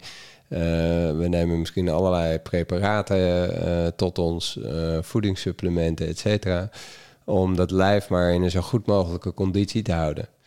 Met andere woorden, je hebt je computer verruild voor een gloednieuwe iMac. Uh, maar ondertussen draait het nog steeds op de Windows-versie uit 1992. Dus dat werkt niet. Dus je hebt in mijn ogen, uh, naast dat het heel waardevol is om aandacht te besteden aan je lijf met goede voeding, eventueel supplementen en veel bewegen en mediteren, et cetera. Maar je hebt iets te doen aan het onderliggende programma. En dit is waar de geneeskunde in mijn optiek een beetje mank gaat, dat ze mensen nog steeds gaan vertellen hoe ze gezond moeten leven, dus hoe ze gezond moeten eten, hoe ze gezond moeten bewegen. Maar er wordt heel vaak geen aandacht besteed aan dat onderliggende programma. Precies wat jij zegt. Van uh, je hebt het nou eenmaal zo geleerd, dus uh, dat moet wel de waarheid zijn. Ja, misschien is het de waarheid geweest voor uh, al diegenen die je voor zijn gegaan en heeft het voor hun heel goed gewerkt. Maar de vraag is niet of het voor hun goed gewerkt heeft. De vraag is of het voor jou nog goed werkt. En misschien wordt het tijd om uh, ja, de hele boel een beetje... Uh, uh, ja, gewoon de oude programma's eraf. En een upgrade uit te voeren. Ja, dat is makkelijk als je de nieuwe software kunt kopen en uh, CD-rommetje erin. Bestaat dat nog? Nee, USB-stickje erin. en installeren maar. Maar ja, in je hoofd is het iets minder simpel. Hoe, ja, is hard hoe, werken. Hoe pak je dat aan? Nieuwe conditionering uh, installeren op je harde schijf? Nou, door te zien, de, door te gaan voelen van dat er een heleboel niet klopt. Dus eerst te gaan je oude lijstjes te gaan vervangen voor nieuwe lijstjes. Ja, hoe weet je dan of een nieuw lijstje wel of niet klopt? Ja, er is maar één optie. Doen. Doen. Ja, zodat je in het doen kan gaan ervaren. Of de, en dan heb je je kostbare instrument weer van... hé, hey, wat ik nou heb gedaan, holy shit, ja, dat werkt echt supergoed. En de volgende keer doe je iets anders en dan denk je... wow, dit is nog slechter dan wat ik eerst had. Dat is niet oké. Okay. nou, dat is ook heel waardevol, want dan hoef je dat programma niet meer uit te voeren. En die afslag hoef je niet te nemen. En de volgende keer doe je weer iets anders... en dat brengt je een klein stapje dichter bij jouw verlangen... of wat goed voelt... En de volgende keer doe je iets en denk je van... wow, maar dit, dit werkt echt supergoed. Nou, dat ga je dan vaker doen. Ja, zo. Het is uh, uitproberen. Ja. Uiteindelijk. En zie je het dan ook als een, als een spel. En dat, dat is niet oneerbiedig naar het leven toe. Maar soms maken we het ook gewoon te zwaar. Het, het is ook gewoon een spel. En in dat spel ga je op je bek... In het spel scoor je, in het spel win je, in het spel verlies je. En ben je bereid om al die aspecten van het spel aan te gaan? Als je alleen maar aan het spel wilt deelnemen en iedere stap die je zet verzwaart met de plicht om per se succesvol te zijn en een winnend doelpunt, uh, ja, dan wordt het leven heel erg zwaar. Maar op het moment dat je ook bereid bent en inziet dat dat spelen ook inhoudt dat je af en toe op je bek gaat en dat dat oké okay is, dat het niet fout is, maar dat je daaruit kan leren, groeien en ontwikkelen. En je dus bereid bent om ook geblesseerd te raken, dan, uh, ja, dan wordt het een aaneenschakeling van ervaringen. Het is niet de vraag of je geblesseerd raakt. Het is niet de vraag of je gekwetst wordt. Het is de vraag wanneer. Ja. Dus kan je maar beter voorbereid zijn. En als je geblesseerd bent, kun je niet blijven door, doorgaan met wat je deed. Dan moet je weer even rusten. Ja. Een momentje van bezinning. Ja. Jij uh, was huisarts, uh, bent nog steeds arts, um, maar je hebt geen huisartsenpraktijk meer ondertussen. Nee, ik heb geen patiënt meer op naam en niet uh, de huisarts die aan alle vinkjes volgens de beroepsgroep voldoet. Um, tegelijkertijd denk ik dat ik mijn huisartsenvak en kennis, uh, dat ik daaruit meer waarde toevoeg dan in alle jaren daarvoor. Er komen nog steeds mensen bij me met huisartsgeneeskundige vragen, alleen ga ik er op een andere manier mee om. Waarbij ik gewoon uit persoonlijke ervaring zie en um, iedere keer weer dat het zowel fysiek als mentaal meer waarde toevoegt aan het leven van iemand. En, nog waardevoller, dat ze dat ook gaan overdragen aan de mensen om hen heen. Dus ze voegen daarmee niet alleen waarde toe aan hun eigen leven, maar ook waarde toe aan het leven van anderen. Dus ja, ik durf wel hard te zeggen dat ik meer, meer een grotere bijdrage heb geleverd aan de gezondheid van mensen in de laatste vijf jaar dan in de vijftien jaar daarvoor. Ja. Dus je laat eigenlijk mensen eigenaarschappen nemen ja, over hun leven. Ja, dat is een mooi woord. Daar uh, komt het eigenlijk op neer. Ja, eigen verantwoordelijkheid, zelfstandigheid. Die zelfredzaamheid in plaats van ze afhankelijk te maken. Dan. Ja. Heel dus- mooi. En, het gaat niet over de, toch altijd waardevol om het even te benoemen. Het gaat niet over de intentie. De intentie van de dokters die zeg maar een reguliere of misschien wel een beetje een conservatieve behandelmethode aanhouden, die zijn niet fout. Die komen vanuit de allerbeste plek die hebben maar één intentie en die willen niks liever dan dat de ander zich weer goed en prettig voelt. Dus het gaat niet over goed of fout. De intentie van de reguliere, ehm, misschien conservatieve dokter, die doet het nog steeds op de best mogelijke manier. Dat het, ook dat het niet altijd de beste uitwerking heeft, dat is een ander verhaal. Maar de, de reguliere geneeskunde is niet per se fout. En als je die, die jij, tenminste, jij kan heel mooi het verschil zien. Uh, je hebt het verschil ervaren, je, je past het nu toe, toe, in de praktijk. Maar als je terugkijkt van het moment dat je gecrashed bent tot nu, is vijf jaar geleden hoor ik jou dan zeggen. Ja, langer al wel, maar ja. In ieder geval de laatste vijf jaar heb je meer waarde toegevoegd. Ja. Um, in die periode, uh, wat heeft jou dan het meeste, tenminste, uh, welk inzicht heb jij voor jezelf opgedaan, wat, wat jou dan daarbij geholpen heeft om die waarde toe te voegen? Ehm, nou, dat zijn een paar. Uh, een van de belangrijkste is dat ik me realiseerde dat ik never nooit iedereen tevreden ging stellen. Dus uh, heb ik voor mezelf voorgenomen dat ik aan het eind van de rit in ieder geval trouw wil blijven aan één persoon in mijn leven. Dat ben ik zelf. Zodat ik daarin iedere keer weer kan bewegen naar een plek van een zoveel mogelijk een oprecht mens te zijn. Dus te doen wat ik verkondig. Niet A te zeggen en vervolgens B te doen. Nee, uh, gaan staan voor wat ik vind. Ehm, dat ik geen keuzes meer wil maken uit angst, maar om iets te verliezen, maar echt vanuit een verlangen. Uh, en dat ik daarin bereid ben om iedere prijs te betalen. Dus daarin ontsla ik ook de ander van de plicht om mij per se te erkennen of te waarderen, lief, leuk of aardig te vinden. Natuurlijk fijn als iemand mij erkent en waardeert. Ik bedoel, daar groeien we allemaal van. Maar als iemand daar om wat voor reden dan ook niet toe in staat is, oké, dan doe ik het zelf. En dus eh, als het offer is wat ik moet brengen, dat ik een verbinding heb te verbreken. Of als het offer is wat ik heb te brengen, dat ik op een plek uitkom van eenzaamheid. Uh, om de verbinding met mezelf te kunnen behouden, dan oké, dan so be it. En dat is eigenlijk nog wel het belangrijkste als je die vraag zo stelt. Ik ben bereid om iedere prijs te betalen die nodig is om te kunnen doen uh, waarvoor ik bedoeld ben of om te kunnen zijn wie ik bedoeld ben om te worden. Um, en dat helpt enorm, ook in mijn, in mijn werkzaamheden als begeleider of coach.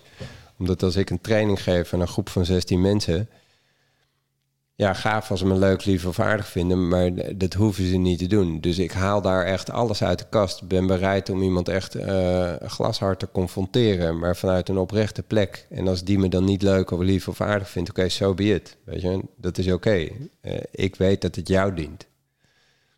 En in die zin dient het niet altijd om iemand altijd maar zo snel mogelijk van de pijn af te helpen. Of te pleasen. Of te pleasen, ja, precies. de pijn in te duwen eigenlijk, wat je dan doet. Ja. Dus zijn we in staat om onszelf te dragen. Dus niet te pleasen, maar onze grens daaraan te geven. En dan het oordeel of misschien wel de veroordeling van de ander te kunnen dragen. Zonder dat via de relatie te proberen te fixen. En dat is wat er in de geneeskunde natuurlijk vaak gebeurt. Nogmaals, vanuit de allerbeste intentie. En daar, ik kan het zo hard zeggen, omdat ik er daar zelf ook schuldig aan ben geweest. Dat je jezelf als dokter probeert goed te voelen, en dan maak ik het heel zwart-wit, maar over de rug van de patiënt. Dus dat je gaat proberen de patiënt zo snel mogelijk van zijn klacht af te helpen, zodat die denkt dat hij daarmee geholpen is en jij je daarmee de dokter en dus heel erg goed kan voelen, terwijl je allebei een afslag mist. Ja, een beetje het verbloemen of uh, bijvoorbeeld. Ja, niet kijken naar waar het daadwerkelijk over gaat. Ja. ja. de parallellen naar de samenleving zijn natuurlijk snel getrokken. Ja. En die, is, is dat dan de prijs die je bent bereid te betalen? Dus het, uh, het oordeel over je heen laten komen? Ja, de afwijzing. Ja. Dus in die afwijzing ook nog steeds oké zijn met jezelf? Ja, en daarin ook de pijn en het verdriet voelen. Toch wel? Natuurlijk. Je kan mij echt niet kwaaier of verdrietiger krijgen als je me afrekent op iets, terwijl ik dat vanuit de allerbeste intentie doe en daar misschien ook nog wel je eigen verhaal bij maakt, wat absoluut niet kloppend is. Je kan mij echt niet bozer krijgen dan dat. En dan toch dat voelen en uh, daar jezelf in begeleiden en vanuit die plek dat kenbaar maken op een, uh, op een rustige en constructieve manier. Lukt mij dat altijd? Nee, natuurlijk niet. Uh, ook ik vlieg wel een keer uit de bocht. Maar come on, weet je, je bent een mens, je bent niet perfect. Dus je vliegt een keer uit de bocht, dat is oké. maar ben je dan weer in staat om bij te sturen? Dat is het enige waar het over gaat. Nogmaals, het, het leven is heel simpel en tegelijkertijd niet eenvoudig. mooi gezegd. Ja.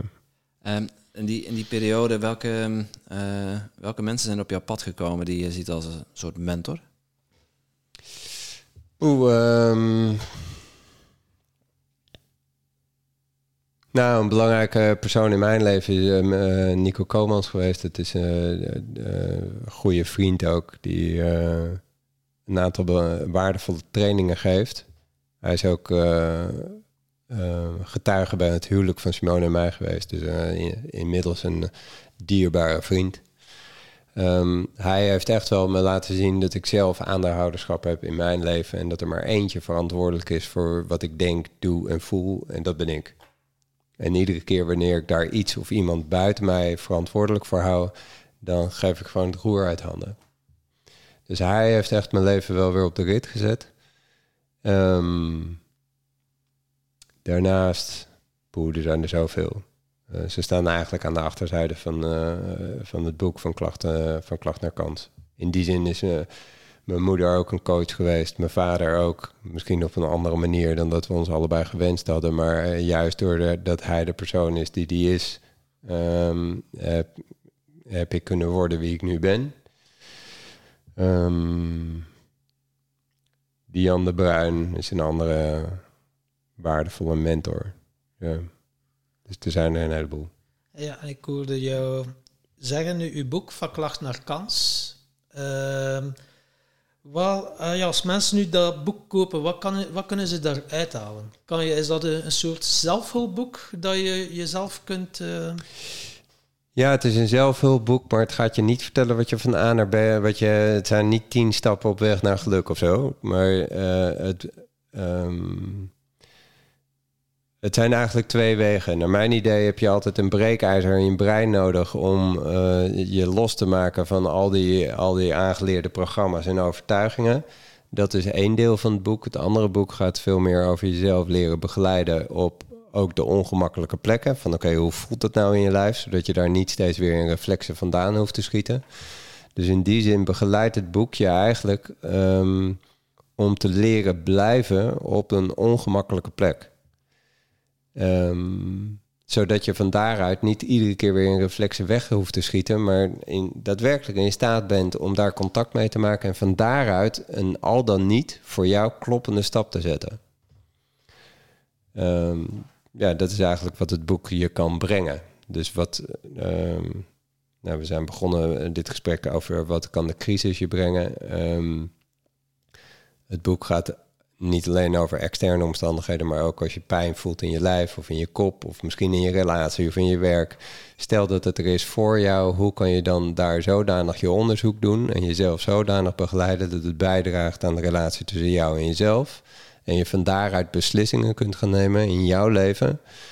Uh, dat je ja, nogmaals kunt gaan worden wie je bedoeld bent om te worden. Dat je je kostbaarheid volledig tot expressie kunt gaan brengen. Want je hebt zo een boek, eh, een Vlaamse schrijfster, De Sleutel tot Zelfbevrijding. Dat je alle symptomen, wat dat er eigenlijk onder ligt, dat is ook een beetje in jouw boek. eh, Ja, zeker. Ja, als je dit zo beschrijft, dan eh, sluit het mooi aan. ja. Ja. Zijn er naast jouw boek eh, nog boeken die... onze luisteraars zijn geïnteresseerd in persoonlijke Mhm. ontwikkeling. Eh, welke boeken hebben jou geïnspireerd op je pad van persoonlijke ontwikkeling? Nou, het boek wat je aan de hand van wat je zojuist noemde, is eh, het boek van Tara Brach is mooi. Dat eh, heet ehm, eh, Zelfbevrijding door acceptatie. Of bevrijding door zelfacceptatie. Nee, zoiets. Ehm, maar dat gaat heel erg over aanvaarden van datgene wat er is. Het is een boek wat heel langzaam gaat, ehm, maar juist daardoor ook wel weer mooi is. Ehm ander waardevol boek. Ehm, ja, ik heb net eh, niet zo lang geleden de twaalf regels van het, eh, voor het leven van Peterson heb ik gelezen. Dat is echt een tof boek. Twaalf regels tot? Ja, twaalf regels eh, voor het leven. Hij beschrijft daar twaalf regels die, als je je daaraan houdt, dan heb je gewoon, ja, dan loopt je leven beter. En dat varieert van goed voor jezelf zorgen tot eh, doen wat noodzakelijk is en niet wat in het moment toevallig goed uitkomt. Tot, eh, nou, zijn laatste hoofdstuk heet, ehm, nou, een van zijn laatste hoofdstukken is eh, dat je kinderen vooral moet laten skateboarden. Dus Dat is dan de titel. Het gaat erom dat je kinderen zoveel mogelijk moet laten spelen, maar daarin dus ook bereid moet laten zijn om hun te laten vallen. En wat je nu ziet is dat alle, alle speeltuinen die zijn natuurlijk nou ja, Dubbeltjes plastic omwikkeld. ja, accident-proof. Terwijl ja, een kind eh, heeft, vaart er wel bij door te gaan leren te ontdekken, risico's te nemen. ehm, en ook eh, ja, pijn te voelen op zijn bek te gaan. En door in de, je zegt het mooi, door overal maar bubbeltjes plastic omheen te doen. Het resultaat wat we daarmee creëren, is dat we dus kinderen creëren die eh, niet meer in staat zijn om met weerstand en tegenslagen om te gaan. Daar proeven we nu nog niet zo de verrangen vruchten van, maar over twintig jaar wel. Want dat zijn de personen die dan vervolgens eh, zeg maar dit land en de maatschappij verder moeten leiden. Ja, als Kan die het dan nog niet. slechter? Kan het nog slechter? nou, de natuur, de, de natuur heeft één eh, waardevolle eigenschap. En die haalt altijd ergens een aap uit de mouw die wij nog niet gezien hebben. Dus eh, de, nuur, de natuur is altijd vernuftiger dan wij. En heeft altijd nog iets slechters in petto dan wij tot nu toe hebben meegemaakt. Dus eh, berg je maar. Ja. Iets slechters of... eh, het, is, het is voor zelfbehoud, hè? Voor de natuur dan in ieder geval. Ja. Nou, ja, dit gaat natuurlijk over evolutie. En wij hebben ons als mens hebben wij natuurlijk ons boven de natuur gesteld. Maar als je het vanuit een groot perspectief kijkt, dan gaat het over evolutie. En dat betekent dat wij als mensenras, daar zijn wij eh, ondergeschikt aan. Het gaat erom dat het geheel, de natuur, evolueert. En dat trekt zich echt niks aan van wat wij wel of niet doen. Ik bedoel, als je kijkt naar de golven die je op het strand aanspoelen, die golf die interesseert het echt geen reet of jij nou in die branding staat of niet. Ik bedoel, die dendert gewoon over je heen en die spoelt uit en die trekt zich weer langzaam terug. En dat spelletje herhaalt zich gewoon. En dat is in, in, in groter opzicht is het natuurlijk precies hetzelfde. Wat dat betreft is dit gewoon een periode, een fase, die gaat vanzelf weer voorbij. Natuur gaat gewoon zijn gang en die trekt vroeg of laat een nieuw konijn uit hoge hoed. Maar als we het dan wat trekken, wat spiritueler, ja, nu de huidige leiders, ja, ik heb er zo mijn bedenkingen bij, jij waarschijnlijk ook. Maar ja, ze, er wordt ook zo gesproken van de nieuwe tijdskinderen, die toch wel gaan zorgen voor een ontwakend bewustzijn. Hoe zie jij dat? Ik heb geen idee. We gaan het zien over Ja. tien jaar. Weet je, Ehm, we zitten in, een lastige periode. En eh, mind you, ik zou echt niet graag de leider van het land nu willen zijn. Want of je nou linksaf gaat of rechtsaf, je doet het sowieso niet goed. Ehm, en het is altijd makkelijk om als een soort commentator aan de kant van de, van de lijn te staan. En vooral te roepen wat er allemaal niet goed is en hoe het allemaal beter zou moeten. Ehm, dat is makkelijk lullen op het moment dat je de verantwoordelijkheid niet hoeft te dragen. Ook hier geloof ik er heel erg in dat het waardevol is om te kijken van oké, wat kan jij er zelf uit leren? Hoe kan je groeien en ontwikkelen? Zodat je in jouw directe cirkel datgene kan gaan doen wat goed en kloppend is. En dat je er naartoe beweegt om zoveel mogelijk een oprecht en een integer mens te zijn. Te doen wat je verkondigt. Dat als je gezondheid belangrijk vindt, dat je ook die stappen in je leven neemt die bijdragen aan gezondheid. Niet alleen aan je eigen gezondheid, maar ook aan je relaties en aan anderen. Dat je in staat bent om je eigen verantwoordelijkheid te pakken en bereid bent om anderen op hun bek te laten gaan. Maar er wel voor hun te zijn zonder zomaar uh, meteen het scherm omhoog te trekken. Ehm, ik geloof erin dat als iedereen ervoor zorgt dat hij gewoon zijn eigen tuin op orde heeft en zich wat minder druk maakt over waar de buurman wel of niet zijn schutting heeft neergezet, dat de wereld er dan opeens uh, een stuk beter uit zou zien. Het is wel grappig, want nu de mensen die echt wel kiezen voor hun gezondheid, echt wel werken aan hun immuunsysteem, ja, die worden gewoon een beetje beroofd van hun vrijheid. Ja, het is maar net, uh, pas op. Um, en, en, natuurlijk zit er een kern van waarheid in wat je zegt. Maar um, als je dat ziet als een echt een beperking van je vrijheid, dan betekent het dat je jouw gevoel van vrijheid hebt, afhankelijk hebt gemaakt van externe omstandigheden. Um, andersom is het precies hetzelfde. Dus op het moment dat je je wel laat prikken, dan denk je dat je uh, vrij bent, omdat je voldoet aan alle normen en je overal aan kan deelnemen. Maar in essentie um, word je nog meer beroofd van je vrijheid, want iemand anders gaat voor jou bepalen wat wel of niet kloppend voor je is. Um, de kunst is om de vrijheid zelf te voelen en de omstandigheden te aanvaarden zoals ze zijn. Dat gaat niet over goed of fout. Het gaat niet over rechtvaardig of onrechtvaardig. Het gaat erom dat het, dat het is zoals het is. En wat draagt dan het meest bij aan de relatie tussen jou en jezelf? Nou, en als we dan kijken naar bijvoorbeeld de maatschappij, dan, dan kan je je afvragen of het bijdraagt om te zeggen van oké, maar jullie zijn fout en wij zijn goed. In essentie doe je dan allebei precies hetzelfde, alleen aan de andere kant van het spectrum. Creëer je opnieuw polariteit. En um, proberen we de liefde dus toe te dekken, of verschuift het eigenlijk naar gelijk willen krijgen en overtuigen. Terwijl het juist zo waardevol is om meer, te kijken naar de uh, gemene deler. Nou, dan is het verhaal eigenlijk grond. Want de gemene deler is gewoon angst. Ze hebben allebei angst, alleen allebei vanuit een andere plek. Nou, als het dan over angst gaat, dan kan je verschuiven van oké, wat, is er, wat is eigenlijk waardevol aan het inzicht van de ander? Wat is daar interessant aan?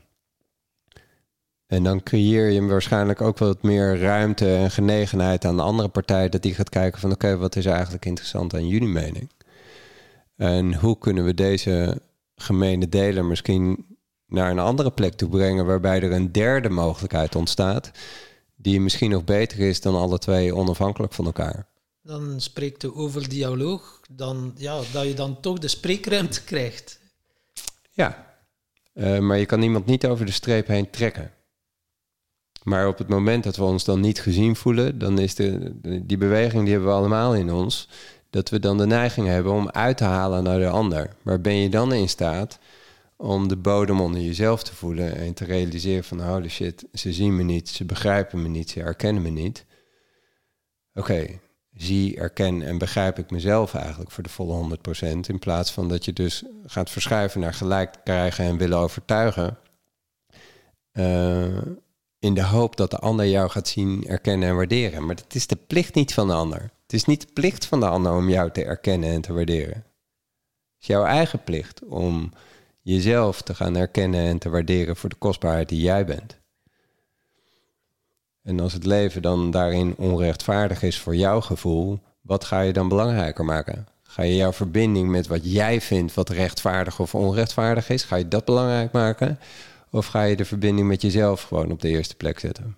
Dus zowel, ja, iedereen heeft hier een taak te volbrengen. Uh, ja, wat wil het leven van jou? Ik zag ook op je website dat je ook wel kennis hebt van human design. We hebben uh, Guido Werning in onze oh, podcast gehad, oh, die een boek uh, heeft geschreven. Ja. ja, dat was wel mind-blowing. Ja. dat is wel, uh, Was je bekend met human design of niet? Ja, we zijn er nog wel aan van bijkomen van dat gesprek. ja, ja, ja.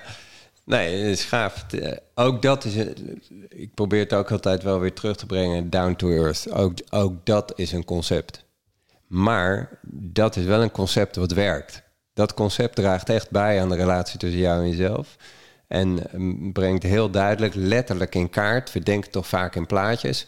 Van oké, hoe, hoe zit ik nou eigenlijk in elkaar? En wat is nou eigenlijk mijn gebruiksaanwijzing? En eh, als ik dat aan veel mensen laat zien en ze daar zo een beetje vertel over hoe hun design eruit ziet, dan eh, gebeurt er meestal wel iets moois. Namelijk dat ze zich realiseren van holy shit, weet je, ik ben niet gek. Maar de wereld om mij heen is gewoon een beetje gek. Ik mag gewoon zijn wie ik ben. Kijk maar, het staat hier, zwart op wit. En ehm, ja, dan is het nog steeds een concept. Maar als iemand zich daardoor beter gaat voelen en in staat gaan zijn om te kunnen zijn wie hij of zij is en hoe hij of zij zich voelt en daaruit oprechte beslissingen kan gaan nemen. Wow, dat geeft natuurlijk onwijs veel waarde. voor mensen die er meer interesse in hebben, route 102 van uh, Tim Tom Podcast. Dan kunnen ze het gesprek met, uh, met Guido en ons, tenminste, het is het gesprek tussen ons en Guido, want Guido is degene die ons de les wijst en, uh, en de les spelt. Um, kun, je, kun je voor degenen die, um, die er niet bekend mee zijn, kun je kort even samenvatten wat, wat human design voor jou betekent en, en wat het uh, in jouw leven heeft veranderd? Ja, wat het, wat het voor mij betekent of wat het is? In, uh... in eerste instantie kort, kort geschetst wat het is. Wat en, het is, En daarna wat het voor jou betekent. Nou, heel kort. Um, human design, de meeste mensen die kennen wel de zeven chakra's. En human design zie ik eigenlijk als een upgrade daarvan. Die gaat niet uit van zeven energiecentra, maar van negen. En ieder energiecentra, daarin zit informatie. Um, en die energiecentra die kunnen of gedefinieerd zijn, dan hebben ze een bepaalde kleur, of ze kunnen open zijn. En als het centrum open is, dan is alle informatie die daarin zit, die is niet van jou. Dus je wordt daar geconditioneerd door je omgeving. De energiecentra die wel gedefinieerd zijn en een kleur hebben, daarin zou je kunnen zeggen dat alle informatie daarin zit, die is van jou en die is betrouwbaar. Nou, een van de energiecentra is bijvoorbeeld uh, nou, het hoofdcentrum. Het hoofdcentrum, daar komt allerlei informatie, ideeën, denkbeelden, alles komt daar binnen. Als dat gedefinieerd is, dan is dat heel erg kloppend. En dat zijn de mensen aan wie je een vraag stelt en die zeggen van ja, maar kom on, weet je, dit is de oplossing. Dit is gewoon, ik bedoel, je stelt me deze vraag. Er is maar één weg en dat is deze. Um, als je een open hoofdcentrum hebt, dat zijn de mensen die hebben een vraag en die stellen hun vraag aan persoon A en dan krijgen ze antwoord A. En dan stellen ze dezelfde vraag aan persoon B en dan krijgen ze antwoord B, C, D, E en F. En bij ieder antwoord denken ze van, hmm, ja, er zit eigenlijk ook wel wat in. Oh ja, dat zou eigenlijk ook wel kloppen. Uh, dus die staan heel erg open voor allerlei ideeën. Het gevaar kan dan zijn dat als je niet volgens je design, volgens je plattegrond beweegt, dat alles interessant gaat zijn, dat je overal een antwoord op wil weten en dat je uiteindelijk dus verzandt in een soort apathisch niks doen, omdat je absoluut niet weet wat dan wel of niet kloppend is. Um, voor de persoon bij wie het gedefinieerd is, als die niet is afgestemd op zijn organisme, op zijn design, dan kan voor die personen kan de valkuil zijn dat ze alles al interessant gaan vinden en overal een antwoord op moet hebben. Nou, dus kort gezegd, um, het design geeft je richting in hoe je om kan gaan met het leven en hoe je daar uh, de juiste voor jou kloppende keuzes kan maken. En waar je vooral ja hebt te zeggen, maar ook waar je vooral nee tegen mag zeggen.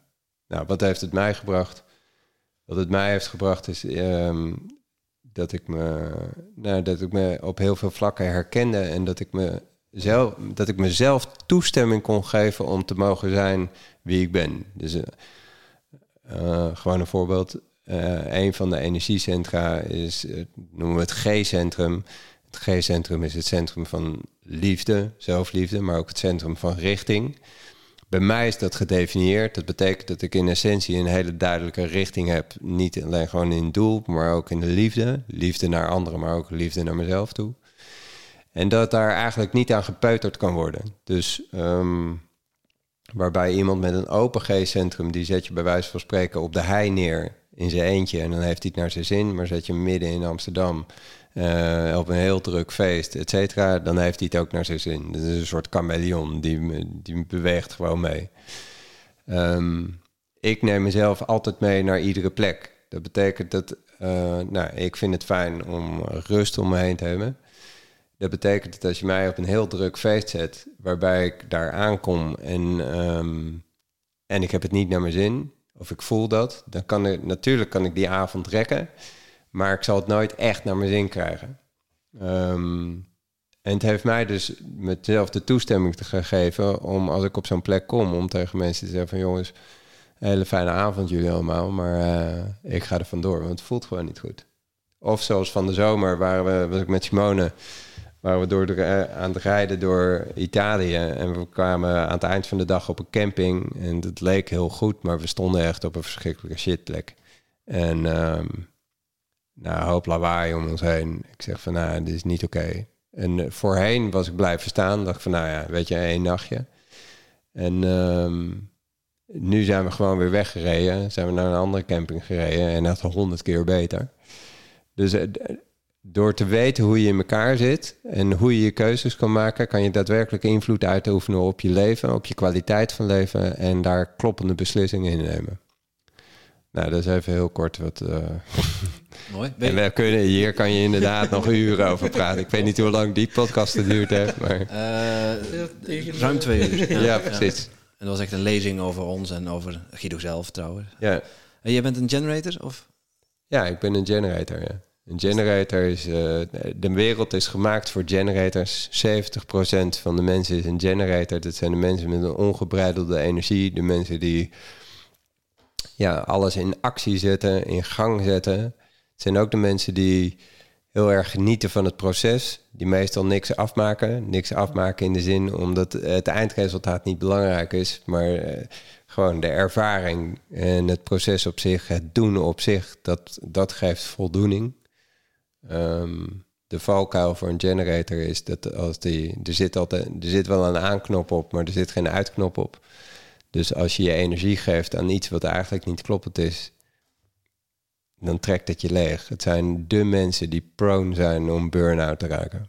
En ben je de gewone generator of de manifesting generator? Nee, ik ben een echt een pure generator, oh, geen manifesting generator.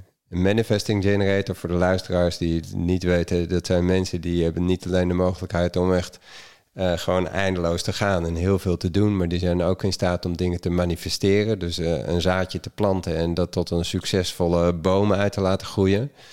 Dat wil niet zeggen dat je als generator niet kan manifesteren, maar echt uh, betrekkelijk minder goed. Ik heb heel veel dingen gemanifesteerd die ook wel voor een deel gelukt zijn, maar heel veel dingen daarin was ik gewoon te vroeg. bijvoorbeeld het holistisch centrum wat ik op had gezet. Uh, de tijd was daar gewoon niet klaar voor. Dus eh, een generator heeft te wachten, te wachten, te wachten totdat de tijd en de omgeving daar is en dan kan die toeslaan. Ja, wat dan zeg je ook tegen ik ben een manifesting generator en ik heb nogal de neiging om direct te beslissen. Maar zegt nee, ga eerst nog een keer voelen en voel de volgende dag nog een keer of dat dat is. Ja. Dat is fucking moeilijk, man. Maar dan heb je waarschijnlijk gedefinieerd emotioneel centrum. Zou kunnen. Ja, maar um, ja, nogmaals, we kunnen hier, echt, uh, hier kunnen we nog een uur over praten. Maar voor de mensen die denken van, hé, hey, interessant, uh, human design. Als je het googelt, dan uh, ja. kom je in een totaal nieuwe wereld terecht. Ja, ja. en de podcast 102. podcast, podcast 102, ja. precies. Weer luistercijfers hè, stimuleren. Um, we, hebben het, we hebben het over heel veel dingen gehad. Um, maar waar hebben we het nog niet over gehad waar je, waar je graag nog eens onder het aandacht wil brengen? Oeh. Um, goeie vraag.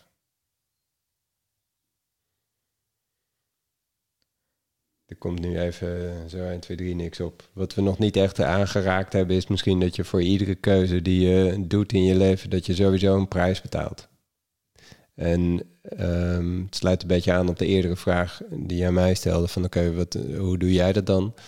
Op echt belangrijke keuzes in mijn leven ga ik niet kijken wat de beste keuze is of wat het beste compromis is. Maar als, er echt, uh, als het grote consequenties heeft, dan draai ik het 180 graden om en dan ga ik kijken, oké, welke prijs wil ik betalen? En dan wordt het vaak opeens heel helder. Het wordt niet makkelijker, maar het wordt wel helder welk pad ik heb te gaan. Omdat ik dan denk van ja, maar weet je, die prijs wil ik gewoon niet meer betalen. Dan dus die andere prijs hele moeilijke vraag ook. Van welke prijs wil ik hiervoor betalen? There, Wat is de always a price to be paid. Ja. Um, maar op, op wat voor vlakken ziet dat dan? Want eh, je had het net van de prijs die betaald wordt, eh, bijvoorbeeld eh, voor je ego. Hè? Dus als mensen een bepaalde mening over je hebben of een oordeel over je hebben, ehm, wat voor prijzen zit je nog aan te denken? Als je dat zegt? Nou, wil ik de prijs, eh, wil ik in verbinding blijven met deze persoon, zodat ik lief, leuk en aardig gevonden word. Het ook wel een stukje ego kan zijn. Of besluit ik om de verbinding met mezelf op de eerste plek te zetten en deze relatie met deze persoon te beëindigen. Ehm, blijf ik op deze plek in mijn werk zitten omdat het me een gevoel van veiligheid geeft, eh, iedere maand een vast inkomen en ik daardoor een soort van financiële zekerheid heb. Maar is de prijs die ik betaal dat ik eigenlijk iedere dag met lood in mijn schoenen naar mijn werk toe ga en aan het eind van de dag uitgeput uh, thuis kom en het weekend nodig heb om me weer op te laden zodat ik maandag weer gas kan geven? Of ga ik meer doen wat me daadwerkelijk energie geeft en wat me voedt? Maar is de prijs die ik betaal dat ik heb te dealen met onzekerheid en uh, misschien wel de meningen of de oordelen van anderen? Welke prijs wil ik betalen? Um, deze vraag kan echt super waardevol zijn op het moment dat je op een plek van de keuze staat. En dan komen we weer terecht bij angst. Hè. Welke prijs wil ik betalen? En dan gaan alle toeters en bellen af. Ja. En dan is het zo van, wow, ga ik springen of ga ik niet springen? En dat is voor heel veel mensen een lastige. Want het is pas ja. dat je springt, dat je weet dat je vleugels hebt of dat je wordt gedragen. Ja, of, of neerlazert. ja, dus ben je bereid om geblesseerd te raken als dat de prijs is die je moet betalen om te kunnen gaan, om heel dicht langs jouw eigen lijntje te blijven lopen. Dus um, ja, ben je, bereid om, ben je bereid om een offer te brengen? Ben je bereid om failliet te gaan als dat de prijs is die je moet betalen om te kunnen, te kunnen gaan doen waarvoor je hier bedoeld bent? Okay. Dat, zijn grote, dat zijn grote vragen. Maar op het moment dat, je, dat er iets in jou zegt van nee, no way, ben niet bereid om dat te doen, dan is dat precies hetgene wat je houdt op de plek waar je staat en wat je eigenlijk gevangen houdt. Je denkt dat je vrij bent, doordat je een gave baan hebt en een inkomen, et cetera. Maar als je niet bereid bent om dat los te laten om te kunnen gaan doen waarvoor je hier bedoeld bent, dan houdt datzelfde bedrijf en diezelfde bankrekening, die houdt je op de plek waar je staat. En dat is echt kut. Ja, dat sluit heel mooi aan bij de vraag die wij uh, aan, uh, aan onze klanten stellen. Uh, ons bedrijf heet Toedeloe. zegt Toedeloe tegen bullshit gedachten die je tegenhouden om te groeien. Dan ben ik wel benieuwd, Julian. Ja. Welke bullshit gedachten houdt jou tegen om te groeien? Oh, ja. Dat is een mooie vraag. Um, nou, iets, iets in mij kan nog wel eens denken van... oké, weet je, uh, is dat aan mij gegeven? Ben ik de persoon die dat... Zou ik dat nou echt kunnen realiseren? Nou, ik heb het nou toch ook goed. Ik bedoel, uh, dat hoeft toch niet zo nodig. Dus iets in mij kan mezelf kleiner houden dan, uh, dan dat er misschien wel in zit. Dus... Um, en om dat dan niet te doen. Natuurlijk zit daar angst onder. Van de holy shit, zo, zo meteen ga ik het doen. Uh, gaan we misschien een uh, theatervoorstelling doen voor ik weet niet hoeveel mensen. En dan, uh, ja, dan komt er misschien niemand opdagen. um, dus daar zit altijd angst onder. Ja, dus durf je te dromen en durf je, nogmaals, durf je te dromen, zo groot te dromen, dat je daarin bereid bent om gekwetst te worden. Als je dan, en heel veel mensen die bewegen dus naar de plek van, oké, hoe kan ik nou zo krachtig mogelijk zijn en zoveel vertrouwen krijgen dat ik mijn droom kan gaan realiseren? Ja, dat is super waardevol. Alleen je moet altijd in actie komen. Op het moment dat je zegt van, weet je wat, ik laat mijn droom zo groot mogelijk zijn en ik ben bereid om daarin gekwetst te worden, als je bereid bent om daarin gekwetst te worden, dan, dan, dan kan je daarna iedere stap in je leven zetten. Dan hoef je niet voor iedere stap opnieuw te gaan kijken van oké, hoe kan ik daarin kracht en energie gaan vinden. Nee, welke stap je ook gaat zetten, het risico is dat je gekwetst bent en dat je op je bek gaat. Als je bereid bent om dat te betalen, dan kan je iedere stap in je leven zetten die je wilt. Dat maakt het. Ik, ik heb echt groot ontzag voor de duistere kant van het leven, voor de schaduwzijde. Als je jezelf daar kan begeleiden, ja, dan is het leven gewoon een aaneenschakeling van ervaringen. Maakt het niet meer uit waar je je stap zet. En bijvoorbeeld, wat ik af en toe mee worstel, ja, wanneer is het goed genoeg? Als ik iets doe, iets goed, en dan is dat voor mij vanzelfsprekend. Maar zo dat gevoel ervaren, zo van, wauw, nu is het een keer goed genoeg. ja, eh, help me. dat is zoiets. Ik vind dat heel moeilijk. Ik kan, als ik iemand help, oh, kan ik er zoveel voldoening uithalen. Mhm. Dat, daar haal ik echt... Dan heb ik zo'n gevoel, wauw, ik ben hier van waarde geweest. Maar zet mij alleen en laat mij gewoon buiten kijken naar de natuur. Ik kan dat gevoel niet opwekken in mijzelf. Nog niet opwekken. Het is eh, zo'n stukje zelfliefde. Heb jij er ook ooit last van gehad? Of is dat bij jou... Nou, even kijken of ik je vraag goed begrijp. Zeg je van, eh, oké, als je van waarde toe kan voegen aan het leven van een ander, dan voel je je daar goed bij. Maar als je alleen in de natuur zit of met jezelf, dan, dan kan je dat gevoel van waarde, zeg maar, niet zo kan goed ik voelen. niet tot aan dat gevoel... Nee. Ehm, ja, dan is, de vraag, dan is de waardevolle vraag van, oké, wat is er dan wel als je op dat moment daar in je eentje zit? Ehm, ja, onrust, ongeduld. Ja, wel, eh, En waar gaat dat, eh, als die onrust of dat ongeduld er is voor jou, wat zou het je dan willen vertellen? eh, ja, dat is... wat zou mij dat willen vertellen? Hm, Dan ga ik... nu voel ik in mijn systeem... Oh, zou ik afleiding willen hebben? Maar Mhm. dat proces ben ik door, dus... Of soms door. eh, Nou, stel, dat het, stel dat het verlangen naar afleiding er in essentie is voor jou. Dus als die gedachte er ook bedoeld is om jou te helpen, wat merk je dan? dat ik er eh, gewoon mag zijn. Oké. Als jij er gewoon mag zijn, als je dat zegt, wat merk je dan? Eh, wat merk ik dan als ik er gewoon mag zijn? Dat het wel goed genoeg is, maar nu gaat er zo wel weer een stemmetje van ben hier iets aan het invullen, maar niet hetgeen dat ik daadwerkelijk voelde. Oké. Wat merk je als je dat zegt? Dat ik precies eh, niet naar dat diepe gevoel wil, eh, niet wil toelaten. Dat er zo Mhm. nog een, eh, een deurtje is. Oké. Stel dat ook die deur en die weerstand er is voor jou. Ja? Ik ga ervan uit dat alles in jou heeft het beste met jou voor. Dus als dat deurtje of die weerstand er is voor jou, wat is dan de beste plek waar het vandaan komt? En dus er zit weerstand om dat daadwerkelijk te voelen.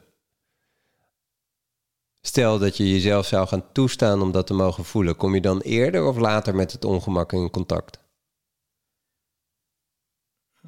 Als je jezelf zou gaan toestaan om dat te mogen voelen, dus dat, dat weet je, de, de weerstand is niet nodig. Kom je dan eerder met het ongemak of later daarmee in contact? Ik denk dat dat ongemak die deur is die geblokkeerd zit. Mhm. Ja, het gebeurt wel.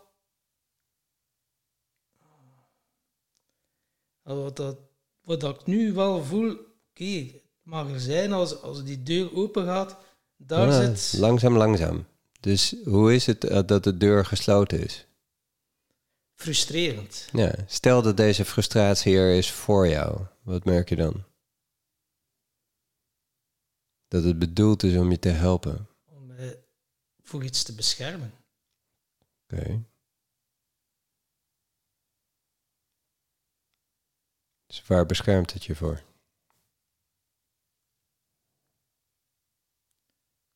komt iets van ehm, pijn. Iets niet willen toelaten of voelen, die diepere angst of pijn. Oké, dus iets in mij is bang. Hm. Als je de zin herhaalt, iets in mij is bang. Iets in mij is bang. Ik sta mezelf toe om bang te mogen zijn. Mag je de zin herhalen? Je hoeft hem niet voor waar aan te nemen. Ik stel mezelf toe om bang te mogen zijn. Wat merk je dan? Het wordt lichter. Er komt eh, meer ruimte. Als ik me voorstel dat ik dit licht en deze ruimte ben, dan merk ik. Als ik me voorstel dat ik het licht in deze ruimte ben, dan ben ik helemaal oké. En hoe voelt het om helemaal oké te zijn? Hoe voelt oké? Oké voelt als. Oké okay, voelt als. Het is goed genoeg. Ik mag gewoon zijn wie ik ben. Hoe voelt dat in jouw lijf? Ontspanning voel ik nu. Ja. Lichte ontspanning. Nou, realiseer je dat je op deze plek van ontspanning, licht en ruimte uitgekomen bent, niet door op zoek te gaan naar licht, ruimte en ontspanning, maar door eerst de angst en de deur en de weerstand waar te laten zijn.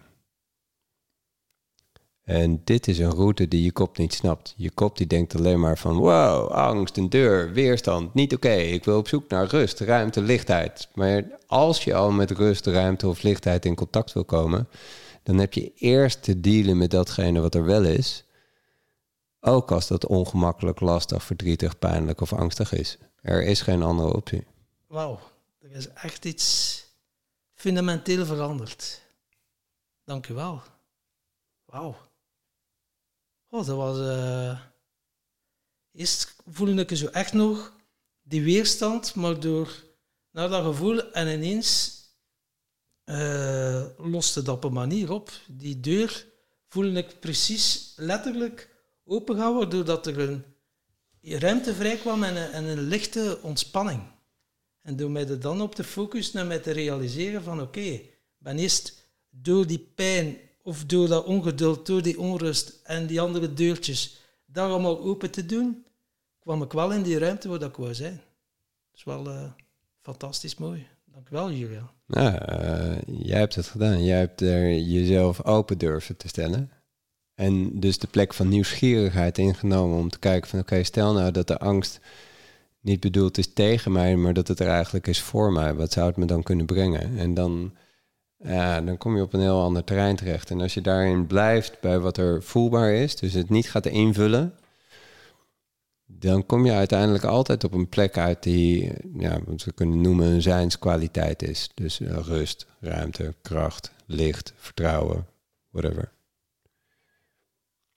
Het gevaar is dat, je, is dat je kop ermee aan de haal gaat. Dus dat die de volgende keer denkt van, oh, oh, er is angst. Oh, als ik er nou mee in contact kom en ik omarm het, dan kom ik zo meteen op een plek van licht en ruimte uit. Eh, no way. Misschien wordt het eerst veel heftiger of whatever. Maar als je erbij blijft, zonder het te belasten met een bepaald resultaat, dan is het cadeautje wat je vroeg of laat mag ontvangen, is dat er meer rust, meer ruimte, meer vertrouwen, meer stabiliteit komt.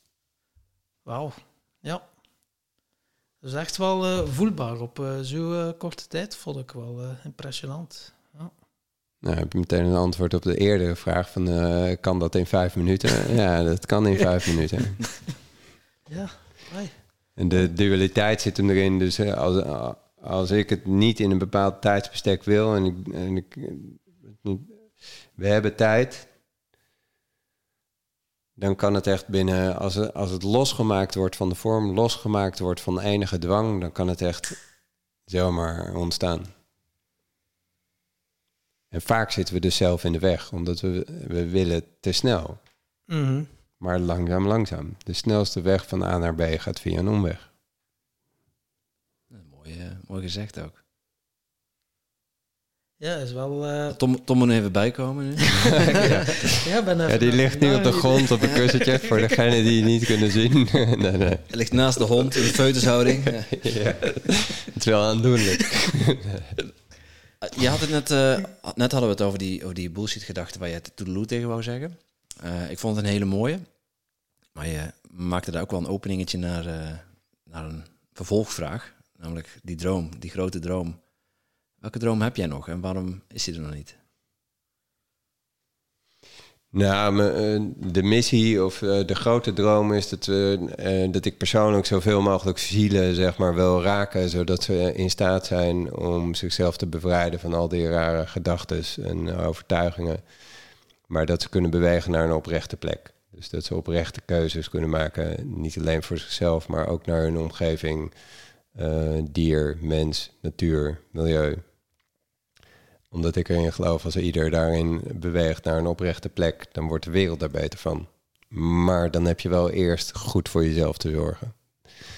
Ehm, de vorm waarin we dat doen, die kan verschillen. En daar hebben we, nou, een grote droom zou kunnen zijn om nog met een, ehm, nou, een, be- een bekende grote internationale spreker bijvoorbeeld op het podium te staan. En daarin eh, een theatercollege of in een andere vorm te doen. Als ik groot denk, dan zou dat het zijn. De trainingen die we nu doen, ehm, breek je brein in één dag, die doen we al voor grote groepen. Ehm, de training, de driedaagse, de transformatietrajecten, die doen we nu voor maximaal 16 personen per keer. Omdat dat gewoon de, ja, dat is de setting waar we het nu doen. Iets in mij is nieuwsgierig of dat ook kan uh, voor 100 of voor 150 mensen. Dus um, nou, dat wordt de next step. Welke vanuit spelen. welke sprekers zitten er, uh, zitten in je hoofd? Nou, Gabor Maté bijvoorbeeld vind ik een waardevolle uh, spreker. Uh, inspirerend. Zijn gedachtegoed, die, uh, nou, die omarm ik. We verschillen niet zoveel van elkaar, denk ik. Um, Heeft hij zoiets gemaakt over laatst een documentaire over trauma? Ja, ja, The Art of Trauma. Ja. En dat is eigenlijk één op één wel het verhaal wat ik ook verkondig, maar dan vanuit een ander perspectief. En nou, hij is echt wel in die zin ook wel een groot voorbeeld daarin. Dus dat lijkt me gaaf. Um, ja, een droom maar groot genoeg. Geen idee wat er gaat komen. Laat maar komen, zeg. Ja. En ik hoorde je ook iets zeggen. Uh, zelfzorg, heel belangrijk. Wat doe jij om je in topconditie te houden? Ha, je hebt, uh, ja. Uh, heb je een ochtendritueel? Je hebt een ochtend dat je mee kunt gaan wandelen waarschijnlijk. Dat is, ja, ja, hebben deze, we van Richard gehoord. Deze, deze is al vrij oud en dat levert heel veel frustratie op als ik daar maar ga net bijhouden. ja, ja, ja. um, nee, een ochtendritueel zeker. Uh, ik, be, uh, ik sta op, ik beweeg, uh, ik mediteer, ik lees, schrijf en dan begint mijn dag. De miracle dus, morning, een beetje. Ja dat is, ehm, het, het was al een beetje op die manier, maar via dat boekje ben ik het wel nog meer gaan structureren. Dus, um, en het, het is ook geen keurslijf, um, maar bewegen sowieso, mediteren ook sowieso. En als de tijd het dan om wat voor reden dan ook niet toelaat om dan te lezen en te schrijven, dan lees en schrijf ik op een ander moment op de dag. Maar of het nou één regel is of een paar pagina's of een hoofdstuk, maar ik lees een stukje. Uh, en het schrijven idem dito. Dus het kan een, heel, het kan een hele blog zijn, het kunnen pagina's zijn, het kunnen ook twee regels zijn. Um, nou, dat is eigenlijk het belangrijkste. Voor de rest is uh, een belangrijke mantra is dat uh, als iets op werken begint te lijken, dan moet ik ermee stoppen. Dus ik zorg dat het niet op werk begint te lijken. En zodra het dat wel wordt, dan stuur ik bij. Um, en dat ik uh, iedere dag niet vol. Ik doe maximaal, maximaal vier, maar het liefst drie gesprekken op een dag zodat ik daar met volle aandacht bij ben. En dat wissel ik af met bewegen, met paardrijden, met uh, nou ja, schrijven, andere dingen eventueel voor mijn werk of telefoontjes. Maar niet, uh, niet de dag volstouwen met vijf, zes, zeven, acht gesprekken. Dat, dat heb ik gedaan, maar dat, dat, dan begint het op werken te lijken. En dat komt de kwaliteit ook niet te goede. Dus drie, maximaal vier op een dag in ieder geval drie dagen in de week. Dus uh, het weekend en dan nog een dag door de week vrij. Als we een training hebben die drie dagen duurt, dan de dag daarvoor vrij. Twee dagen daarna ook vrij. wat ook nodig is om weer op te kunnen laden. Dus een driedaagse training is niet drie dagen training geven. Dat is gewoon vijf dagen hard werken. En um, ik meen niets te zeggen en ik ben het even kwijt. Ja. Dan pakken we gewoon de rode draad op van onze podcast. en onze rode draad is uh, geluk en succes. En uh, Juriaan, wij zijn eigenlijk wel benieuwd wat voor definitie jij geeft aan, uh, aan geluk. Om te beginnen. Ha. Geluk is, poeh, dat, is natuurlijk een enorme vergaarbak. Um, nou, wat nu opkomt is dat ik met Simone, we reden op een gegeven moment in Noorwegen uh, lang geleden. En um, toen hadden we daar een gesprek over. En toen zei ik van oké, geluk. Volgens mij is geluk de, een ultieme vorm van dankbaarheid. Dat je dankbaar kan zijn voor datgene wat er in je leven is. En ik kan dankbaar zijn voor het feit dat ik gezond ben. Ik kan dankbaar zijn voor um, nou, de ervaringen die ik op mag doen. De inzichten die ik opdoe, de, de waarde die ik toe kan voegen aan andere mensen. Ik ben dankbaar dat mijn kinderen uh, gezond zijn. Dankbaar voor Simone en de relatie die wij samen hebben. Um, en dat alles bij elkaar geeft me een gevoel van geluk. Dus ik ben niet aan het jagen op geluk. Ik ben ook niet aan het jagen op dankbaarheid.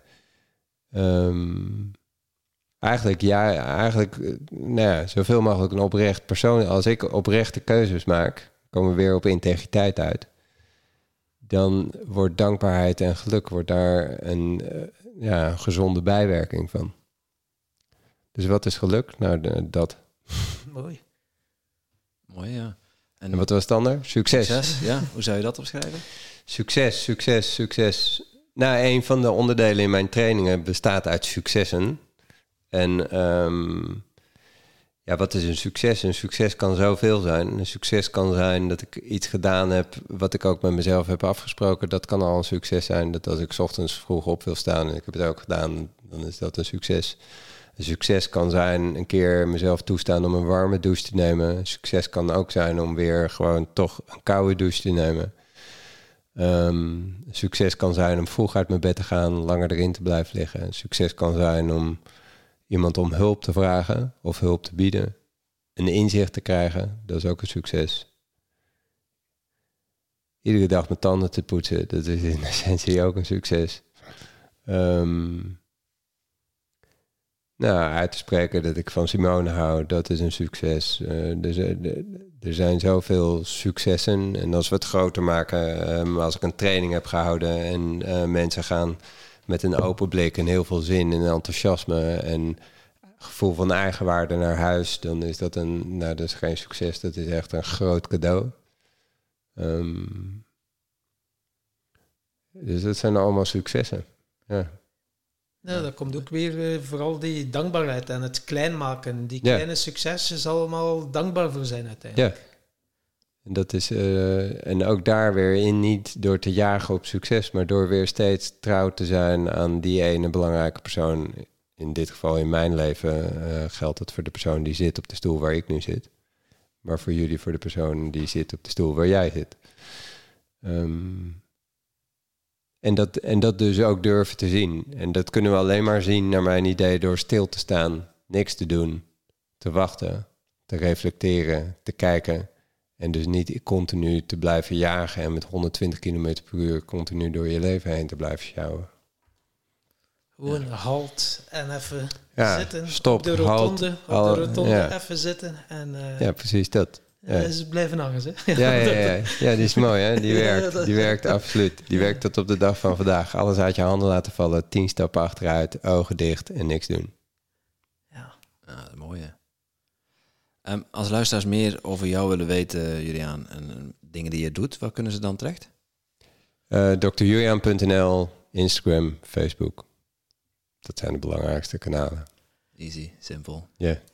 Mooi. We zullen de, eh, de linkjes ook onderin in onze show notes zetten. Dan Top. eh, hoeven mensen nu niet, terwijl ze aan het rijden zijn, een auto tegen de vangrails te parkeren om het te Nee, noteren. dan hebben ze wel een moment van rust en stilte, maar niet helemaal op de manier zoals je het graag zou willen misschien. En onze luisteraars houden ook enorm van cadeautjes. Ik weet niet, kan jij iets aan onze luisteraars geven of cadeau doen? Oh ja, wat had je in gedachten? Het kan een boek zijn, de online training die komt... Oh nee, de- tegen de tijd dat dit wordt uitgezonden is dat al waarschijnlijk een tijdje onderweg. Eh, nou, het boek kan altijd. Ja, Ja, een boek? Ja, zeker. z- eh, zeg maar. Hoeveel luisteraars zouden we gelukkig maken? Nee, ik kan vijf boeken weggeven. Oh, super. Ja. En wat moeten ze daarvoor doen? Eh, we gaan er wel iets voor laten doen. Oh ja, dat is eigenlijk Simone er eh, taak. Wat doen we dan ook altijd eh, weer? Ehm, wat moeten ze daarvoor doen? Nou ja, plaats een postje als je het boek ontvangen hebt op Instagram. Tag ons en vertel ons wat je ervan vindt. Ja. Leuk als het positief is, maar nee, Ja. zoiets. Prima. Het, eh, het is de gift. We hoeven daar niks voor terug. Als je je le nou ja, wat kan je ervoor terug doen? Het boek lezen doen wat erin staat op een manier die goed te kloppend is voor jou. En vervolgens de boodschap en de inzichten die je hebt gekregen weer doorgeven aan de wereld om je heen. Wauw. Dat is het cadeautje. Mooi. En willen ze kans maken? Ik zou zeggen www.timtonpodcast.com slash Juliaan. En dan eh, kunnen ze zich daar inschrijven. En dan eh, selecteren we daar vijf gelukkige winnaars uit. Top. Mooi. En eh ja, wil ik je nog bedanken voor het gesprek. Oh, nog en een vraag voor de volgende gast. inderdaad. Goed, dat Tom, nog- hij is weer wakker. Ja, ja. Helemaal waar. Wie is de volgende gast? Ben, nou, eh, Eh, dat weten we nog niet. Oké. Nee. Nou, laat maar weten. Dan krijg je van mij een vraag. Oké. Of moet ik hem nu al... Ja, eh, eigenlijk, eigenlijk mag ik hem nu al stellen, ja. Want dan voor de autistische luisteraars is er een soort ketting in onze Oké. podcast. Het is wel lastig om een vraag te stellen die eh, zomaar ehm, zonder te weten aan wie. Ehm, nou, ik, eh, je krijgt van mij de vraag, maar niet nu. Hij komt nu niet zo op. Nee. Oké, nou, nou goed, dan doen we dat ook voor de eerste keer. Ja, Dan eh, mag Tom onthouden om de vraag te vragen. maar dan eh, hebben we nog contact. Ja, zeker. Perfect. Nou, dankjewel. Jullie dank. Tot slot nog een leuke uitsmijter of een quote die je wil delen. Eh, ik eindig heel vaak met eh, zorg heel goed voor jezelf. wauw. Mooie woorden. En nogmaals, dankjewel. Dank.